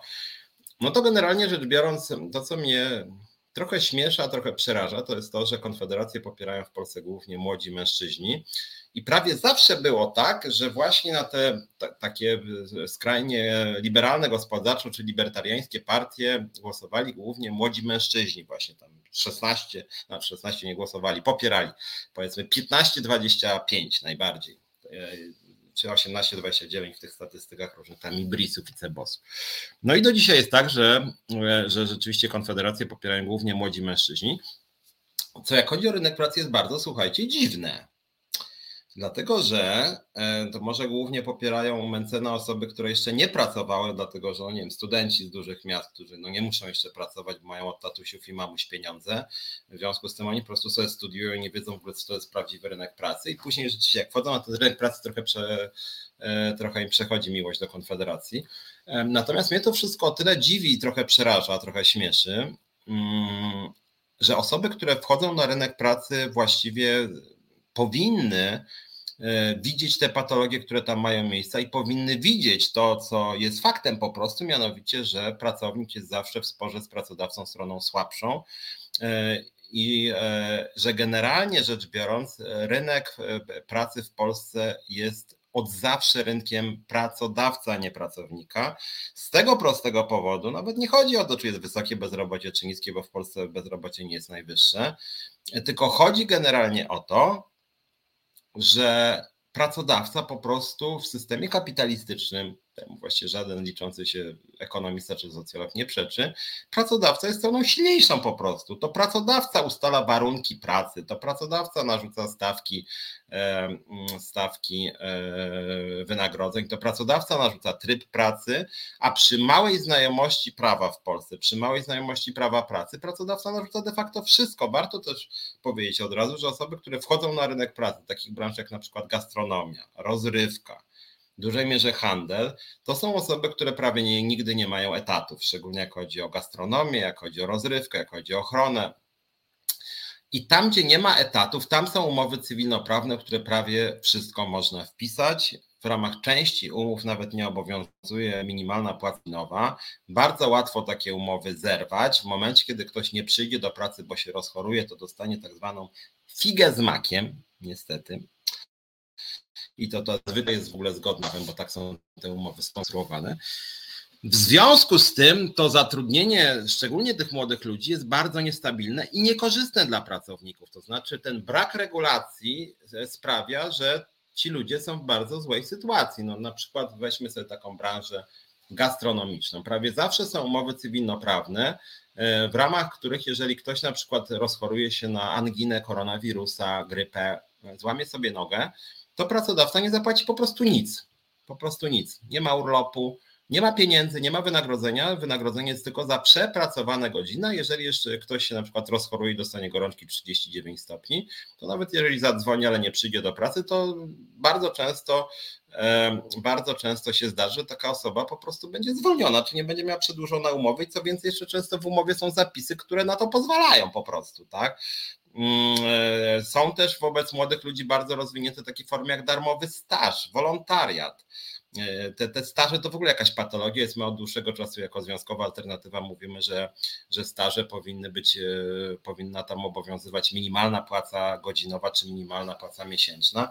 Wciąż PiS tego nie wprowadził i nie chce tego wprowadzić, mało kto o tym mówi. Tu Agra pisze, że bardzo dziwi mnie, że lewica nie wspiera związków zawodowych. Szczerze powiedziawszy, mnie to też bardzo dziwi i rozczarowuje. Oni tylko wspierają swoje związki, to znaczy, to znaczy są, mają deal z OPZZ-em i w dwóch czy trzech miejscach inicjatywę pracowniczą. Nas jako związkową alternatywę wręcz bym powiedział odgórnie bojkotują. To generalnie tak mniej więcej wygląda. To jest bardzo smutne i pokazuje ich bardzo niską wiarygodność i przyznam, że dziwię się, że lewica ma tak mało do zaproponowania odnośnie rynku pracy, jeszcze bojkotuje postępowe związki zawodowe, no ale taką mamy lewicę, może kiedyś więcej o tym porozmawiamy. E, jaki kraj taka lewica chciałoby się poić? Skutki są takie, że lewica tam jakoś nie może specjalnie 10% przekroczyć, chociaż wszyscy są słabi. No ale wracając do tego rynku pracy i tych ludzi młodych i tych związków zawodowych. Darek Bielecki słusznie przez staż to forma niewolnictwa. U nas no niestety jest bardzo duże przyzwolenie na patologię, a jeszcze biorąc pod uwagę to, że młodzi ludzie nie mają specjalnie wiedzy na temat rynku pracy, prawa pracy, bardzo łatwo jest ich pracodawcy wyzyskiwać na różne sposoby. Mm, sprzyja temu też model szkolnictwa. Ja sam kiedyś prowadziłem nawet zajęcia dotyczące mm, rynku pracy i związków zawodowych w dwóch czy trzech liceach warszawskich, no ale to były gościnne, pojedyncze lekcje. Jeszcze Ziobro teraz, e, e, Czarnek, przepraszam, chcę tak zrobić, żeby tak tacy ludzie jak ja nie mieli wstępu do szkół, żeby nie mogli nawet lekcji o związkach zawodowych prowadzić, tylko żeby Ordo Juris mogło na przykład jacyś jego koledzy z kulu. E, no ale w każdym bądź razie Czarnek również chce zrobić też taką dosyć szkaradną rzecz, Mianowicie, e, jak wiecie, w szkołach cały czas te podstawy przedsiębiorczości funkcjonują i te podstawy przedsiębiorczości jakby dobre nie są, ale generalnie troszkę się w ostatnich latach zmieniły w tym sensie, że na przykład pojawiły się pewne elementy dotyczące rynku pracy. Kiedyś na samym początku podstawy przedsiębiorczości to był taki Mm, taka obrona takiego homo economicusa, takiego człowieka przedsiębiorcy i właściwie w ogóle w tych lekcjach szkolnych nie mówiono o prawach pracowniczych, nie mówiono o kodeksie pracy, Natomiast dużo mówiono o tym, jak założyć firmę, tak jakby wszyscy uczniowie w Polsce nie marzyli o niczym innym, tylko zakładaniu firm. Jakbyśmy mieli mieć 25 milionów firm, skądinąd warto nadmienić, że najwięcej firm na świecie jest w najbiedniejszych krajach świata, krajach afrykańskich prawie każdy ma mikrofirmę.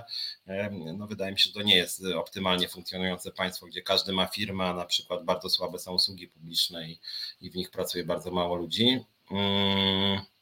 Mariam Rodzej pisze, że w gastro jest mnóstwo patologii, tam by się przydały związki zawodowe, umowy zlecenie miały przecież zniknąć. W pełni się zgadzam, apeluję, jeżeli nas oglądają teraz pracownicy gastronomii, zapraszam do związkowej alternatywy, kochani, pomożemy wam, ale musicie do nas wstąpić. No ja nie będę jako awangarda proletariatu bez proletariatu wkraczał do waszej e, kawiarni czy restauracji, więc serdecznie zapraszam, postaramy się wam pomóc, ale musimy to razem zrobić, tak?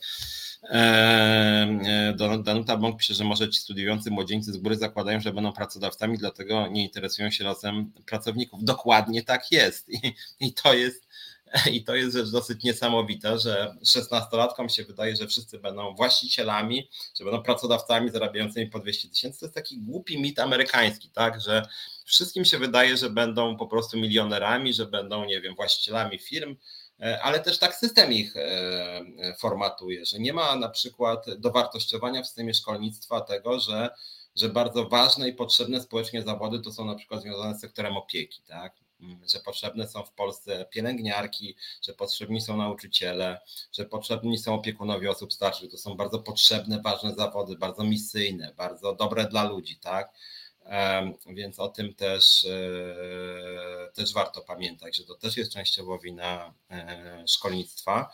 Innym ważnym elementem jest to, że jak chodzi o związki zawodowe, e, Polska generalnie rzecz biorąc do 1989 roku, jak wiemy, wszyscy miała inny ustrój. Dominowały duże firmy państwowe, E, I rzeczywiście w tych firmach państwowych związki zawodowe były relatywnie silne, dlatego że w dużym zakładzie państwowym łatwiej założyć związek zawodowy niż e, w małej firmie.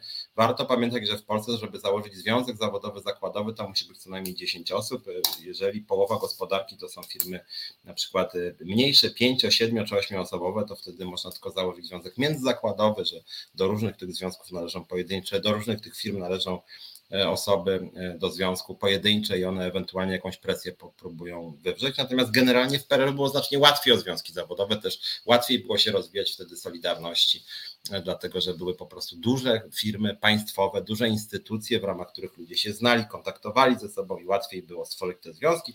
Zresztą te związki, jakie były, takie były. Było CRZZ, później OPZZ, który był prorządowy, tak jak dzisiaj Solidarność był, i była też Solidarność, która wtedy była wobec władzy e, krytyczna. Dzisiaj no właśnie jest przystawką władzy. Razem zresztą z OPZZ-em, to Janna Kurczak pisze, że dzisiaj OPZZ to są właśnie przystawki obozu rządzącego i niestety też mi się tak wydaje. My faktycznie walczymy o praworządność e, walczymy z bezprawiem na rynku pracy, natomiast no niestety i Solidarność ostatnio w parze wspierają rząd, więc jeżeli już tutaj Anna o tym napisała, to Śmieje się ostatnio, że nowy szef OPZZ-u, pan Ostrowski, najpierw się chwalił tym, że miał fantastyczne spotkanie z Andrzejem Dudą i że ten Andrzej Duda jest taki bardzo propracowniczy. Później zrobił sobie wspólne zdjęcie z panią Maląg, minister pracy, antypracownik, minister, przepraszam, rodziny i polityki społecznej, bo Ministerstwo Pracy zlikwidowali po prostu, PiS zlikwidował Ministerstwo Pracy, więc Ostrowski później sobie z panią Maląg zrobił też świetna rozmowa, fantastyczna, jaka ta Maląg jest propracownicza. Później sobie Ostrowski zrobił zdjęcie z panią Uścińską Gertrudą jako wzorcem cnót wszelakich, że to już naprawdę, żeby lider związku, chyba jednym z najgorszych pracodawców w Polsce, robił sobie słodkie zdjęcia i pisał o fantastycznej wzajemnej współpracy. Wreszcie wczoraj bodaj pan Ostrowski zrobił sobie zdjęcie z panem Obajtkiem, pochwalił się, że świetna współpraca OPZZ-u z Danielem Obajtkiem, więc jak ktoś miałby wątpliwości co do OPZZ-u, dzisiaj to jest centrala bardzo bliska władzy po prostu PiSowi i mogłaby sobie piątkę tam z Solidarnością przybić, wspólnie działają. E, natomiast jeszcze jedna może uwaga dotycząca e, tego Ostrowskiego i OPZZ-u, żebym o tym nie zapomniał.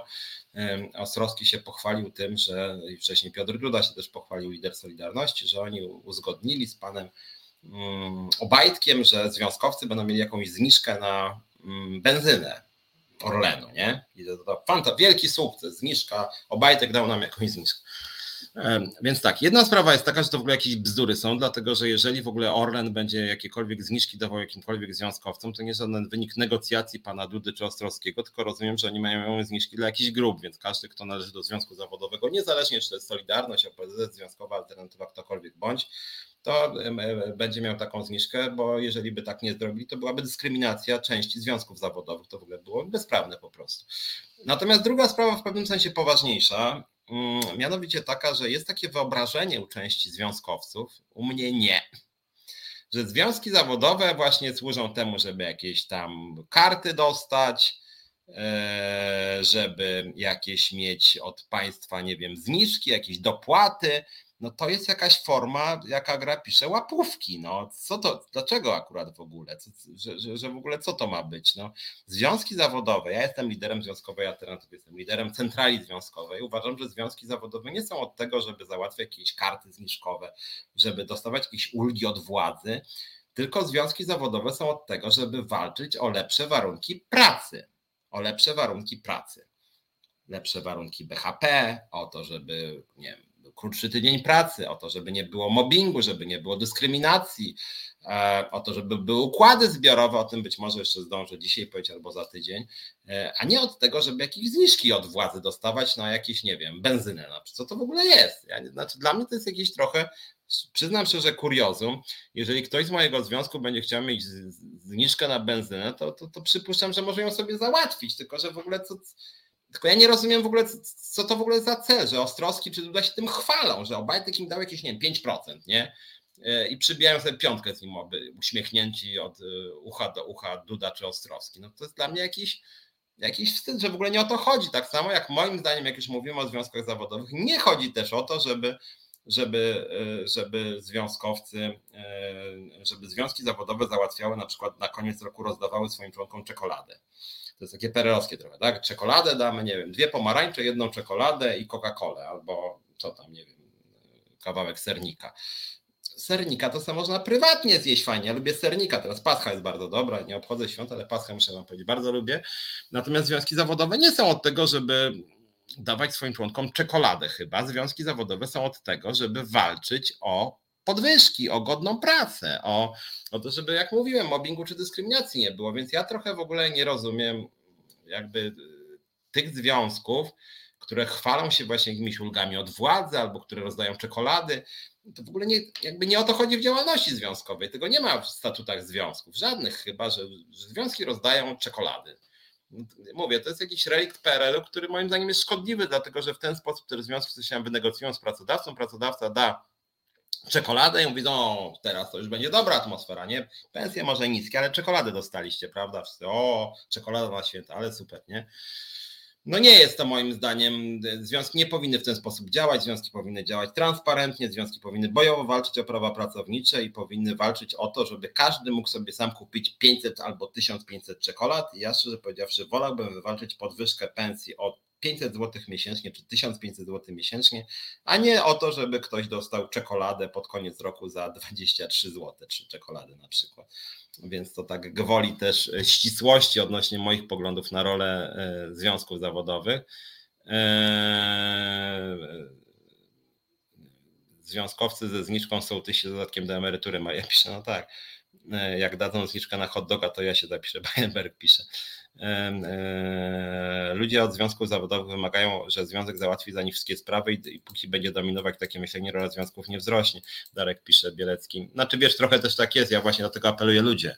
W ostatnich nawet dniach ja dostałem jako lider związkowej alternatywy chyba z 15 e, listów o tym, żebym jakomuś pomagał więc naprawdę, słuchajcie, ja nie mam wynagrodzenia od państwa polskiego, ja nie mam wynagrodzenia od samorządu, ja nie mam wynagrodzenia od żadnej firmy prywatnej, ja nie mam pieniędzy z zagranicy. Ja mam pieniądze od ludzi, którzy płacą nam składki. Ja jestem liderem, który działać może tylko o tyle, o ile ludzie płacą składki. Z tego są finansowani nasi prawnicy, z tego ja jestem finansowany, z tego nasza siedziba jest finansowana. Ja swego czasu tutaj nawet w tym studiu mówiłem mniej więcej dość dokładnie, ile my wydajemy i skąd mamy pieniądze. My mamy pieniądze wyłącznie ze składek członkowskich i składek wspierających i ze zbiórek na konkretne rzeczy związane z prawnikami. E, I e, generalnie rzecz biorąc, my pomagamy ludziom, którzy nam płacą składki, więc jeżeli ktoś mówi pomóżcie, no to się zapiszcie do nas, to my wtedy Wam pomożemy. Blesso pisze, że w JSW, w Jastrzębskiej Spółce Węglowej funkcjonowało 65 organizacji związków w 2020, to przesada. Zgoda to przesada. Często te związki działają tylko po to, żeby, które, żeby lider był chroniony, więc to nie jest dobry kierunek. E, Minerotti często jak zła reprezentacja to załatwia sprawy reprezentantów, a nie związkowców. Znaczy, często jest tak, że, że liderzy związkowi dbają głównie o własne interesy i pracodawcy ich po prostu przekupują i między innymi dlatego ja jestem między innymi dlatego zwolennikiem jawności płac, jawności finansów związków zawodowych, żeby wszystko było jasne, że jeżeli na przykład pracodawca będzie wypłacał wynagrodzenie liderowi związkowemu 20 tysięcy złotych, to niech wszyscy członkowie związku się dowiedzą o tym, że właśnie pracodawca kupuje sobie lidera związkowego i wtedy związkowcy mogą sobie wybrać nowego lidera, który nie będzie kupiony przez pracodawcę i po prostu będzie działał na ich rzecz. Więc po to między innymi jest ta jawność, o której ja bardzo często e, mówię. E, Unia wspomaga działalność związkową, można się im przedstawić, byłoby to na, byłoby na zwiększenie dotarcia do potencjalnych odbiorców. Ale ja jestem za, tylko wbrew pozorom Bayerberg, ja tych grantów wcale nie widzę. W Polsce jest niestety tak, że pomoc unijna idzie przez organizacje rządowe, a rząd wypłaca pieniądze OPZZ-owi Solidarności, Forum Związków Zawodowych. W związku z tym, jeżeli masz jakiś pomysł, Bayerberg, ja zapraszam do współpracy. E, jeżeli, e, że tak powiem, załatwisz grant, czy podsuniesz, to ja bardzo chętnie i oczywiście wtedy publicznie powiem, że robimy grant z Unii Europejskiej. My we wszystkim jesteśmy jawni. Robiliśmy na razie jeden grant odnośnie polskich opiekunek w Niemczech. Powstał z tego taki kurs samopomocy dla opiekunek, z którego przyznam się, że jestem dumny. E, robiłem go z Moniką Żelajk, z Michałem Łukasikiem. Uważam, że to była naprawdę dobra robota, ale to był też mały grant dosyć w związku z tym mm, ale, ale, ale fajny moim zdaniem, dużo dobrej roboty moim zdaniem zrobiliśmy. Ale kluczowa działalność związku to są jednak działalność na rzecz członków i finansowana przez członków. Członkowie płacą składki, liderzy działają na rzecz członków, reprezentują ich interesy, biją się o ich prawa. Więc, więc, więc, więc warto o tym powiedzieć. Rzeczywiście tu Jan Melak też tu się zgadza, pracodawca niekiedy przekupuje liderów związków i właśnie dlatego powtarzam, ja jestem za jawnością wynagrodzeń, za jawnością finansów związków zawodowych, żeby zablokować możliwość tego przykupywania. Jeżeli jeżeli jest, bo nie wiem czy wiecie, jest w Polsce coś takiego jak etaty związkowe. W momencie, kiedy związek zawodowy skupia co najmniej 150 osób w zakładzie pracy, 150 osób, to związek ma prawo do pierwszego etatu, 502, 1003. Jeżeli związek skupia 150 osób, to pojawia się etat związkowy i etat związkowy co do zasady płaci firma, płaci firma, i wynagrodzenie ma być co najmniej takie same, jakie było na stanowisku, które wykonywał pracownik. Czyli jeżeli powstaje związek zawodowy, na przykład, nie wiem, w PKP, nie wiem, maszynista zarabiał na przykład 6 tysięcy brutto, to na etacie związkowym ma mieć co najmniej 6 tysięcy brutto. I, i okej, okay, 6 tysięcy brutto powinien dostawać. Problem tylko polega na tym, że niekiedy pracodawca chce skasować związek i płaci związkowcowi nie 6, tylko 16. Płaci 16, a związkowiec jest posłuszny i przekonuje swoich członków, żeby byli grzeczni. I to jest patologia, z którą ja osobiście uważam, że należy walczyć, dlatego uważam, że nie powinno być co najmniej tyle, ile dany związkowiec pracował na stanowisku, tylko żeby to było dokładnie tyle. Jeżeli był maszynistą, zarabiał 6, to niech jako związkowiec dostaje 6. To jest moim zdaniem uczciwe mm, postawienie sprawy. Mm, Blesso czy związki powinny chronić związkowców czy pracowników. Związki reprezentują tylko związkowców. Dwie rzeczy. Związki reprezentują zgodnie z polskim prawem, tu też Benowi Kruczkowi odpowiadam, związki reprezentują wszystkich pracowników o tyle, że jeżeli związki wynegocjują jakąś podwyżkę, to ta podwyżka dotyczy wszystkich. Wszystkich. Jeżeli by podwyżka dotyczyła tylko członków związku, to mielibyśmy sprawę w sądzie i związek by przegrał i pracodawca by przegrał, dlatego że nie można dyskryminować ze względu na przynależność do związku lub brak przynależności. Zresztą tak na marginesie, jeżeli by można było różnicować wynagrodzenia e, członków związku i e, osób nienależących do związku, to można by, to mogłyby być takie sytuacje, że pracodawca na przykład podniósłby wynagrodzenia tym, którzy nie należą do, do związku i w ten sposób by wywoływał presję, żeby ludzie ze związku występowali.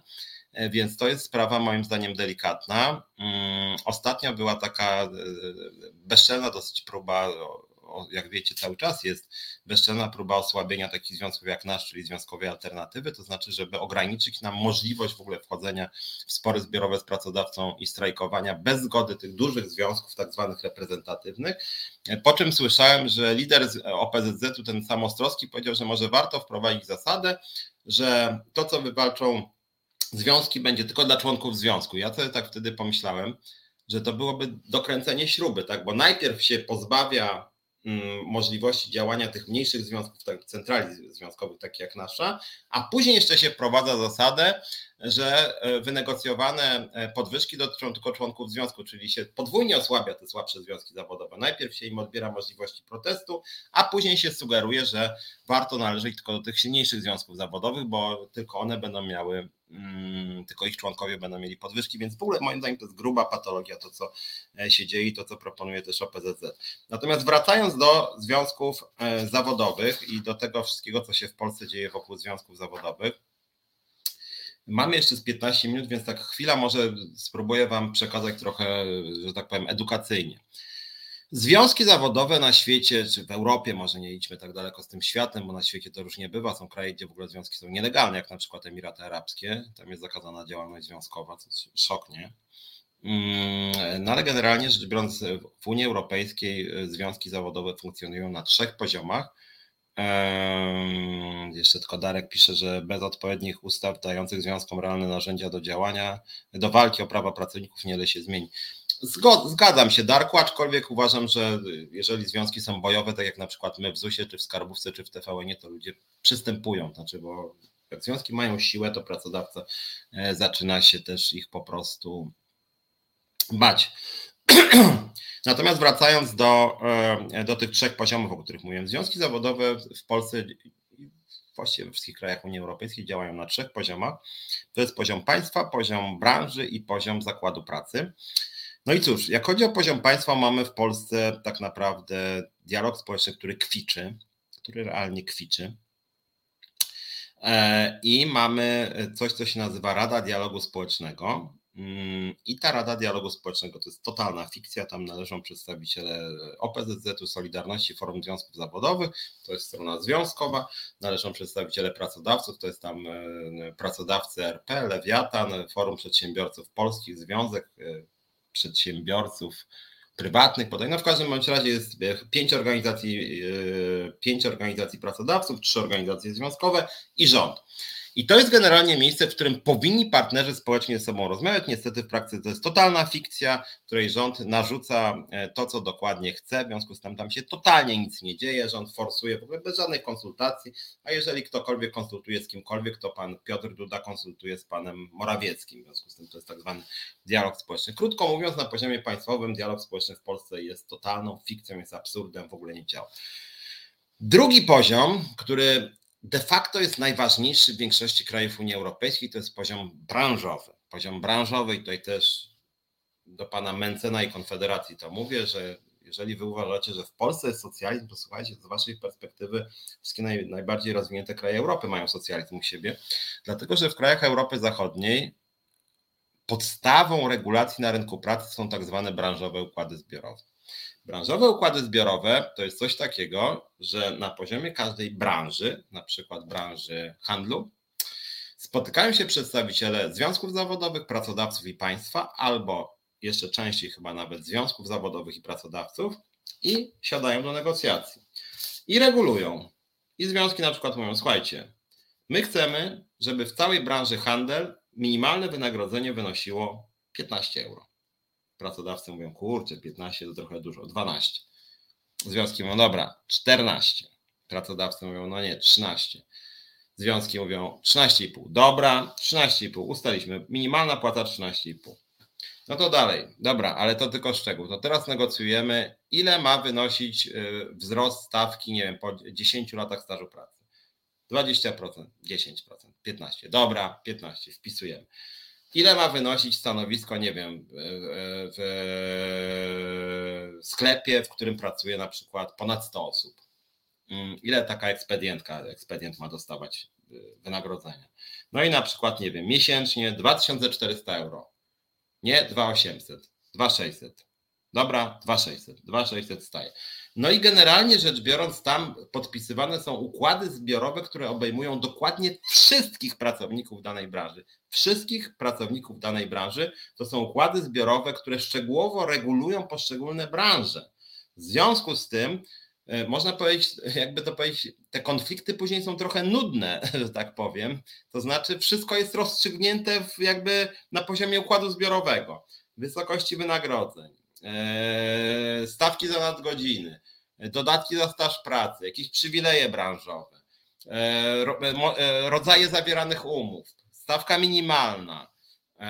I generalnie rzecz biorąc, wszystko w takim układzie zbiorowym ma miejsce, i później związki zawodowe, słuchajcie, zajmują się przede wszystkim tym, czy dany układ zbiorowy jest przestrzegany. Jeżeli nie jest przestrzegany, to związkowiec dzwoni do odpowiednika inspekcji pracy, czy bezpośrednio do pracodawcy, czy idzie do sądu i mówi: Słuchajcie, paragraf 9 układu zbiorowego jest łamany, w związku z tym proszę o natychmiastowe przywrócenie praworządności, albo idziemy do sądu, tak?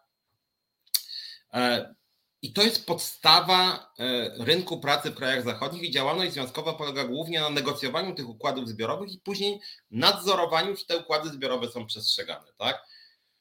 No ale znowuż, w Polsce jest tak, że układy zbiorowe praktycznie nie istnieją. Praktycznie nie istnieją. Jest karta nauczyciela, która troszkę jest takim układem zbiorowym dla branży e, szkolnictwa, tak? Eee, ale generalnie rzecz biorąc, układów zbiorowych w Polsce nie ma. Jeżeli nawet są, to one są zakładowe, a nie branżowe. W konsekwencji rzędu 90% rynku pracy nie jest objętych układami zbiorowymi. Tak? Krótko mówiąc, w Polsce nie istnieje dialog, na serio dialog państwowy, ten na szczeblu państwowym, nie istnieje dialog branżowy, spory są rozwiązywane na poziomie zakładowym, czyli związki zawodowe działają głównie na poziomie zakładowym, nie branżowym, nie państwowym, tylko zakładowym. A na poziomie zakładowym oczywiście stroną zdecydowanie silniejszą jest pracodawca. Zdecydowanie silniejszy e, jest e, pracodawca e, i, i rzeczywiście trzeba być bardzo bojowym i odważnym, żeby skutecznie walczyć o swoje prawa na poziomie zakładu pracy, tak? Bo negocjacje branżowe właśnie, można powiedzieć, neutralizują tą przewagę pracodawcy zakładową, tak? I stąd na zakładzie wszystko jest ustalone branżowo. W Polsce nie ma branżowych układów zbiorowych, w związku z tym wszystko się ustala e, zakładowo i stąd nasze walki w ZUS-ie, w skarbówce, e, w domach pomocy społecznej, w locie i tak dalej, i tak dalej. Jakby nie mamy wyjścia, jesteśmy skazani na negocjacje na poziomie e, zakładowym. Eee, no i warto w tym kontekście powiedzieć, że my jako Związkowa Alternatywa dlatego jesteśmy za układami zbiorowymi, oczywiście tymi branżowymi, żeby tam e, e, zawierać porozumienia, tak? I dopiero jakby kontrolować układy zbiorowe przez związki zawodowe. No ale ich nie ma, w związku z tym walczymy na poziomie, e, na poziomie mm, zakładowym. W tym kontekście warto jeszcze jedną rzecz powiedzieć, bo często się mnie pytają, jak to jest, że te związki zawodowe to mają przywileje, wsparcie, nie wiadomo co. Moi drodzy, ja jestem liderem centrali związkowej do marca zarabiałem 3000 zł netto w związku zawodowym, związkowa alternatywa jako przewodniczący centrali. Teraz od y, kwietnia moje wynagrodzenie wzrośnie do 3,5 tysiąca, zawrotnej kwoty 3,5 tysiąca na rękę. W związku z tym cały czas dużo poniżej y, średniego wynagrodzenia. E, nie mam od państwa żadnych pieniędzy polskiego, nie mam żadnych pieniędzy od państwa, żadnych pieniędzy od samorządu, żadnych pieniędzy od firm, żadnych pieniędzy z zagranicy, żadnych pieniędzy od polityków. Jesteśmy w 100% finansowani ze składki, więc jak ja słyszę, że my jesteśmy jakimiś darmozjadami, to przepraszam bardzo, nie Moja pensja jest w 100% finansowana e, e, przez ludzi, którzy płacą mi składki. W związku z tym jestem utrzymywany przez tych, którzy, no, można powiedzieć, bezpośrednio do mnie należą, dobrowolnie i bez przymusu. Tak? E, I w tym kontekście warto pamiętać o tym, że większość organizacji dostaje pieniądze skądinąd. Partie polityczne dziesiątki milionów rocznie, coraz więcej. Organizacje pozarządowe z odpisów od podatku to już idzie w setki milionów złotych. W ramach grantów różne bankiewicze dostają setki milionów złotych. E, firmy, no to ja już nie mówię, firmy dostały w samych tarcz 250 miliardów złotych, więc o czym mówię? Mówię o tym, że większość podmiotów dostaje bardzo duże pieniądze od państwa, a my jako związkowa alternatywa nie dostajemy dokładnie nic. Dokładnie nic. E, e, warto skądinąd powiedzieć, że OPZZ, Solidarność i Forum samej Rady Dialogu Społecznego dostały, dostają od państwa polskiego już centralnie e, ponad 500 tysięcy złotych rocznie, my zero. My zero. Więc warto też o tym e, pamiętać, więc my nie jesteśmy uprzywilejowaną kastą. Druga sprawa, niektórzy mówią, że ci liderzy związkowi to nie wiadomo co mają. Otóż liderzy związkowi, tak jak powiedziałem, mają ochronę przed zwolnieniem. Pewną. Skąd jest ta ochrona przed zwolnieniem? Kiedyś o tym mówiłem. Ochrona przed zwolnieniem bierze się stąd, że pracodawcy lubią pozbywać się niewygodnych organizacji. Pracodawcy często boją się związków zawodowych i bardzo często próbują zlikwidować związek zawodowy przez e, przepędzenie lidera związku zawodowego. Stąd jest ta ochrona. Jak chodzi o etaty związkowe, od razu powiem o jednej mojej rekomendacji naszej jako związkowej alternatywy. Otóż, moi drodzy, Rzeczywiście jest tak, że w Polsce są etaty związkowe. Jak mówiłem, 150 e, osób, jeden etat, 500 drugi, 1000 trzeci. Później nam 2000, 3000, 4000 kolejne. Mm, natomiast generalnie to jest tak, że jeżeli jest konflikt między związkami zawodowymi i pracodawcą, to pracodawca wszystkie koszty ekspertyz sądowych, procesów sądowych, ofensywy przeciwko związkom zawodowym finansuje z pieniędzy firmy, z pieniędzy firmy, Pani Uścińska z pieniędzy firmy prześladuje Ilonę Garczyńską. Wydała już na to moim zdaniem grubo ponad 100 tysięcy złotych, jeśli nie o wiele, wiele więcej. Natomiast związek zawodowy, mm, no cóż właśnie, z czego ma się bronić? Więc narzuca się sugestia, że powinien też mieć jakiekolwiek środki na swoją obronę i stąd jest pomysł etatów związkowych, żeby zakopać tą przepaść na korzyść pracodawcy, że pracodawca wydaje dziesiątki, a niekiedy setki tysięcy złotych na walkę ze związkiem zawodowym, w związku z tym związek zawodowy też powinien mieć jakieś możliwości obrony, a niekiedy ataku, jak chodzi o rozmowy, negocjacje czy spory z pracodawcą. Ale żeby było, ja jestem dosyć odważnym liderem związkowym, który jest skłonny do daleko idących rozwiązań, w związku z tym związkowa alternatywa już nieraz zgłosiła propozycję, aby zastąpić te etaty związkowe, zastąpić te etaty związkowe, że, że my dopuszczamy rozwiązanie, zgodnie z którym e, e, pracodawca nie płaci związkowcom, znaczy nie ma etatów związkowych finansowanych przez firmę, tylko Etatowi związkowcy są, ale są finansowani przez Państwową Inspekcję Pracy i dostają wszystkie kompetencje inspektorów inspekcji pracy, czyli etatowi związkowcy zajmowaliby się kontrolowaniem i karaniem pracodawców na terenie firmy. Taki system, słuchajcie, jest w Szwecji. W Szwecji jest tak, że związek zawodowy ma prawo, ma możliwość dać mandat nieuczciwemu pracodawcy. To znaczy jest w zakładzie pracy, i w zakładzie pracy, w którym jest związkowcem, może dać mandat pracodawcy. I my proponujemy dokładnie to samo w Polsce.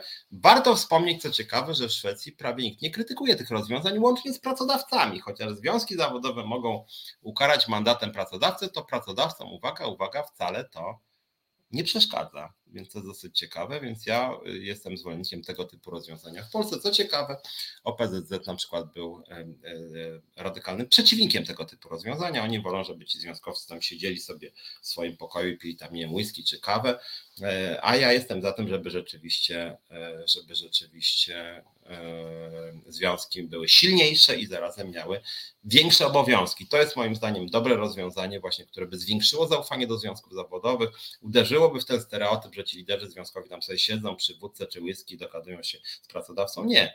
Związki zawodowe jako część inspekcji pracy e, mogłyby rzeczywiście się uwiarygodnić rzeczywiście i, i, i, i po prostu e, bojowo działać.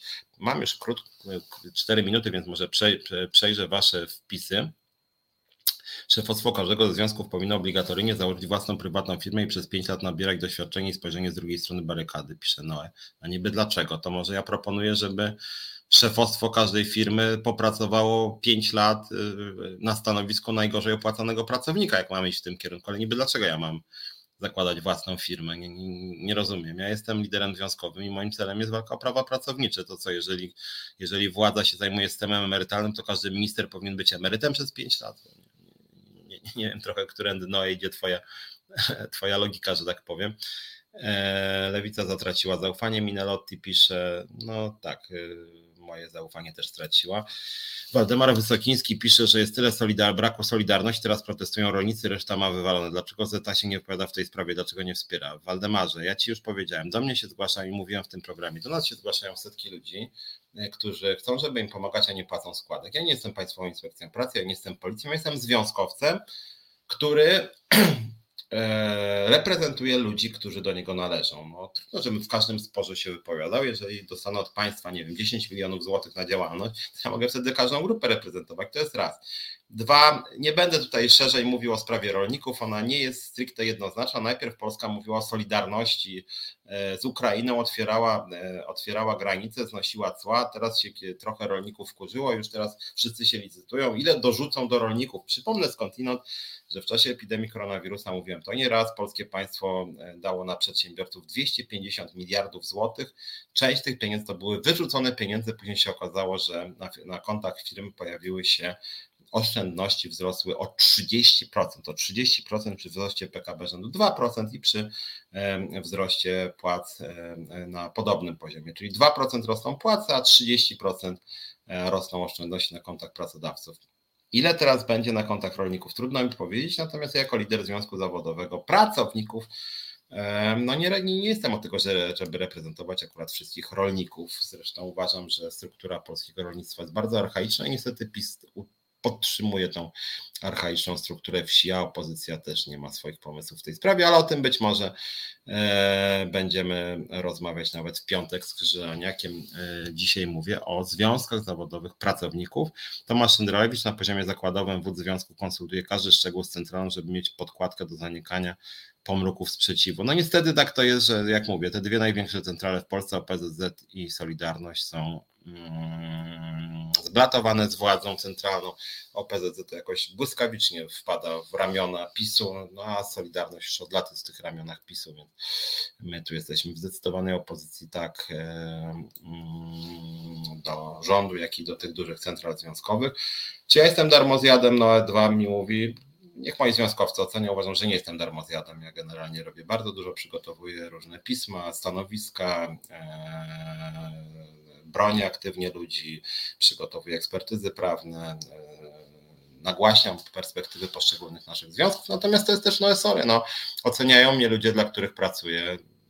Niedługo też mamy walne, będą możliwości żeby mnie ocenić. Można krytykować moją pracę, natomiast wydaje mi się, że darmo zjadem nie jestem, wręcz bym powiedział, za dużo pracuję. Za mało sobie urlopów e, wypisuję i za mało urlopów biorę. Zresztą tak na marginesie za tydzień mnie nie będzie, bo właśnie chcę sobie odpocząć trochę dawno.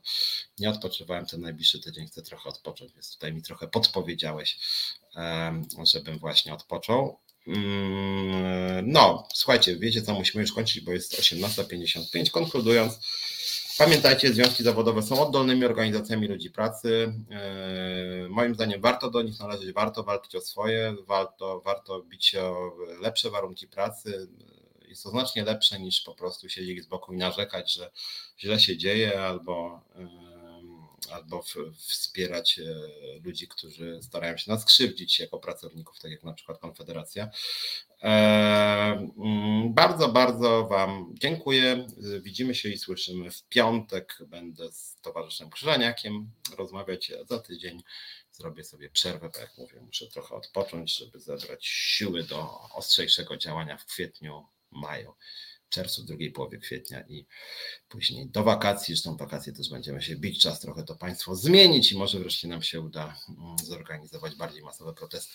Bardzo Wam dziękuję, zapraszam do Związkowej Alternatywy, trzymajcie się, do widzenia.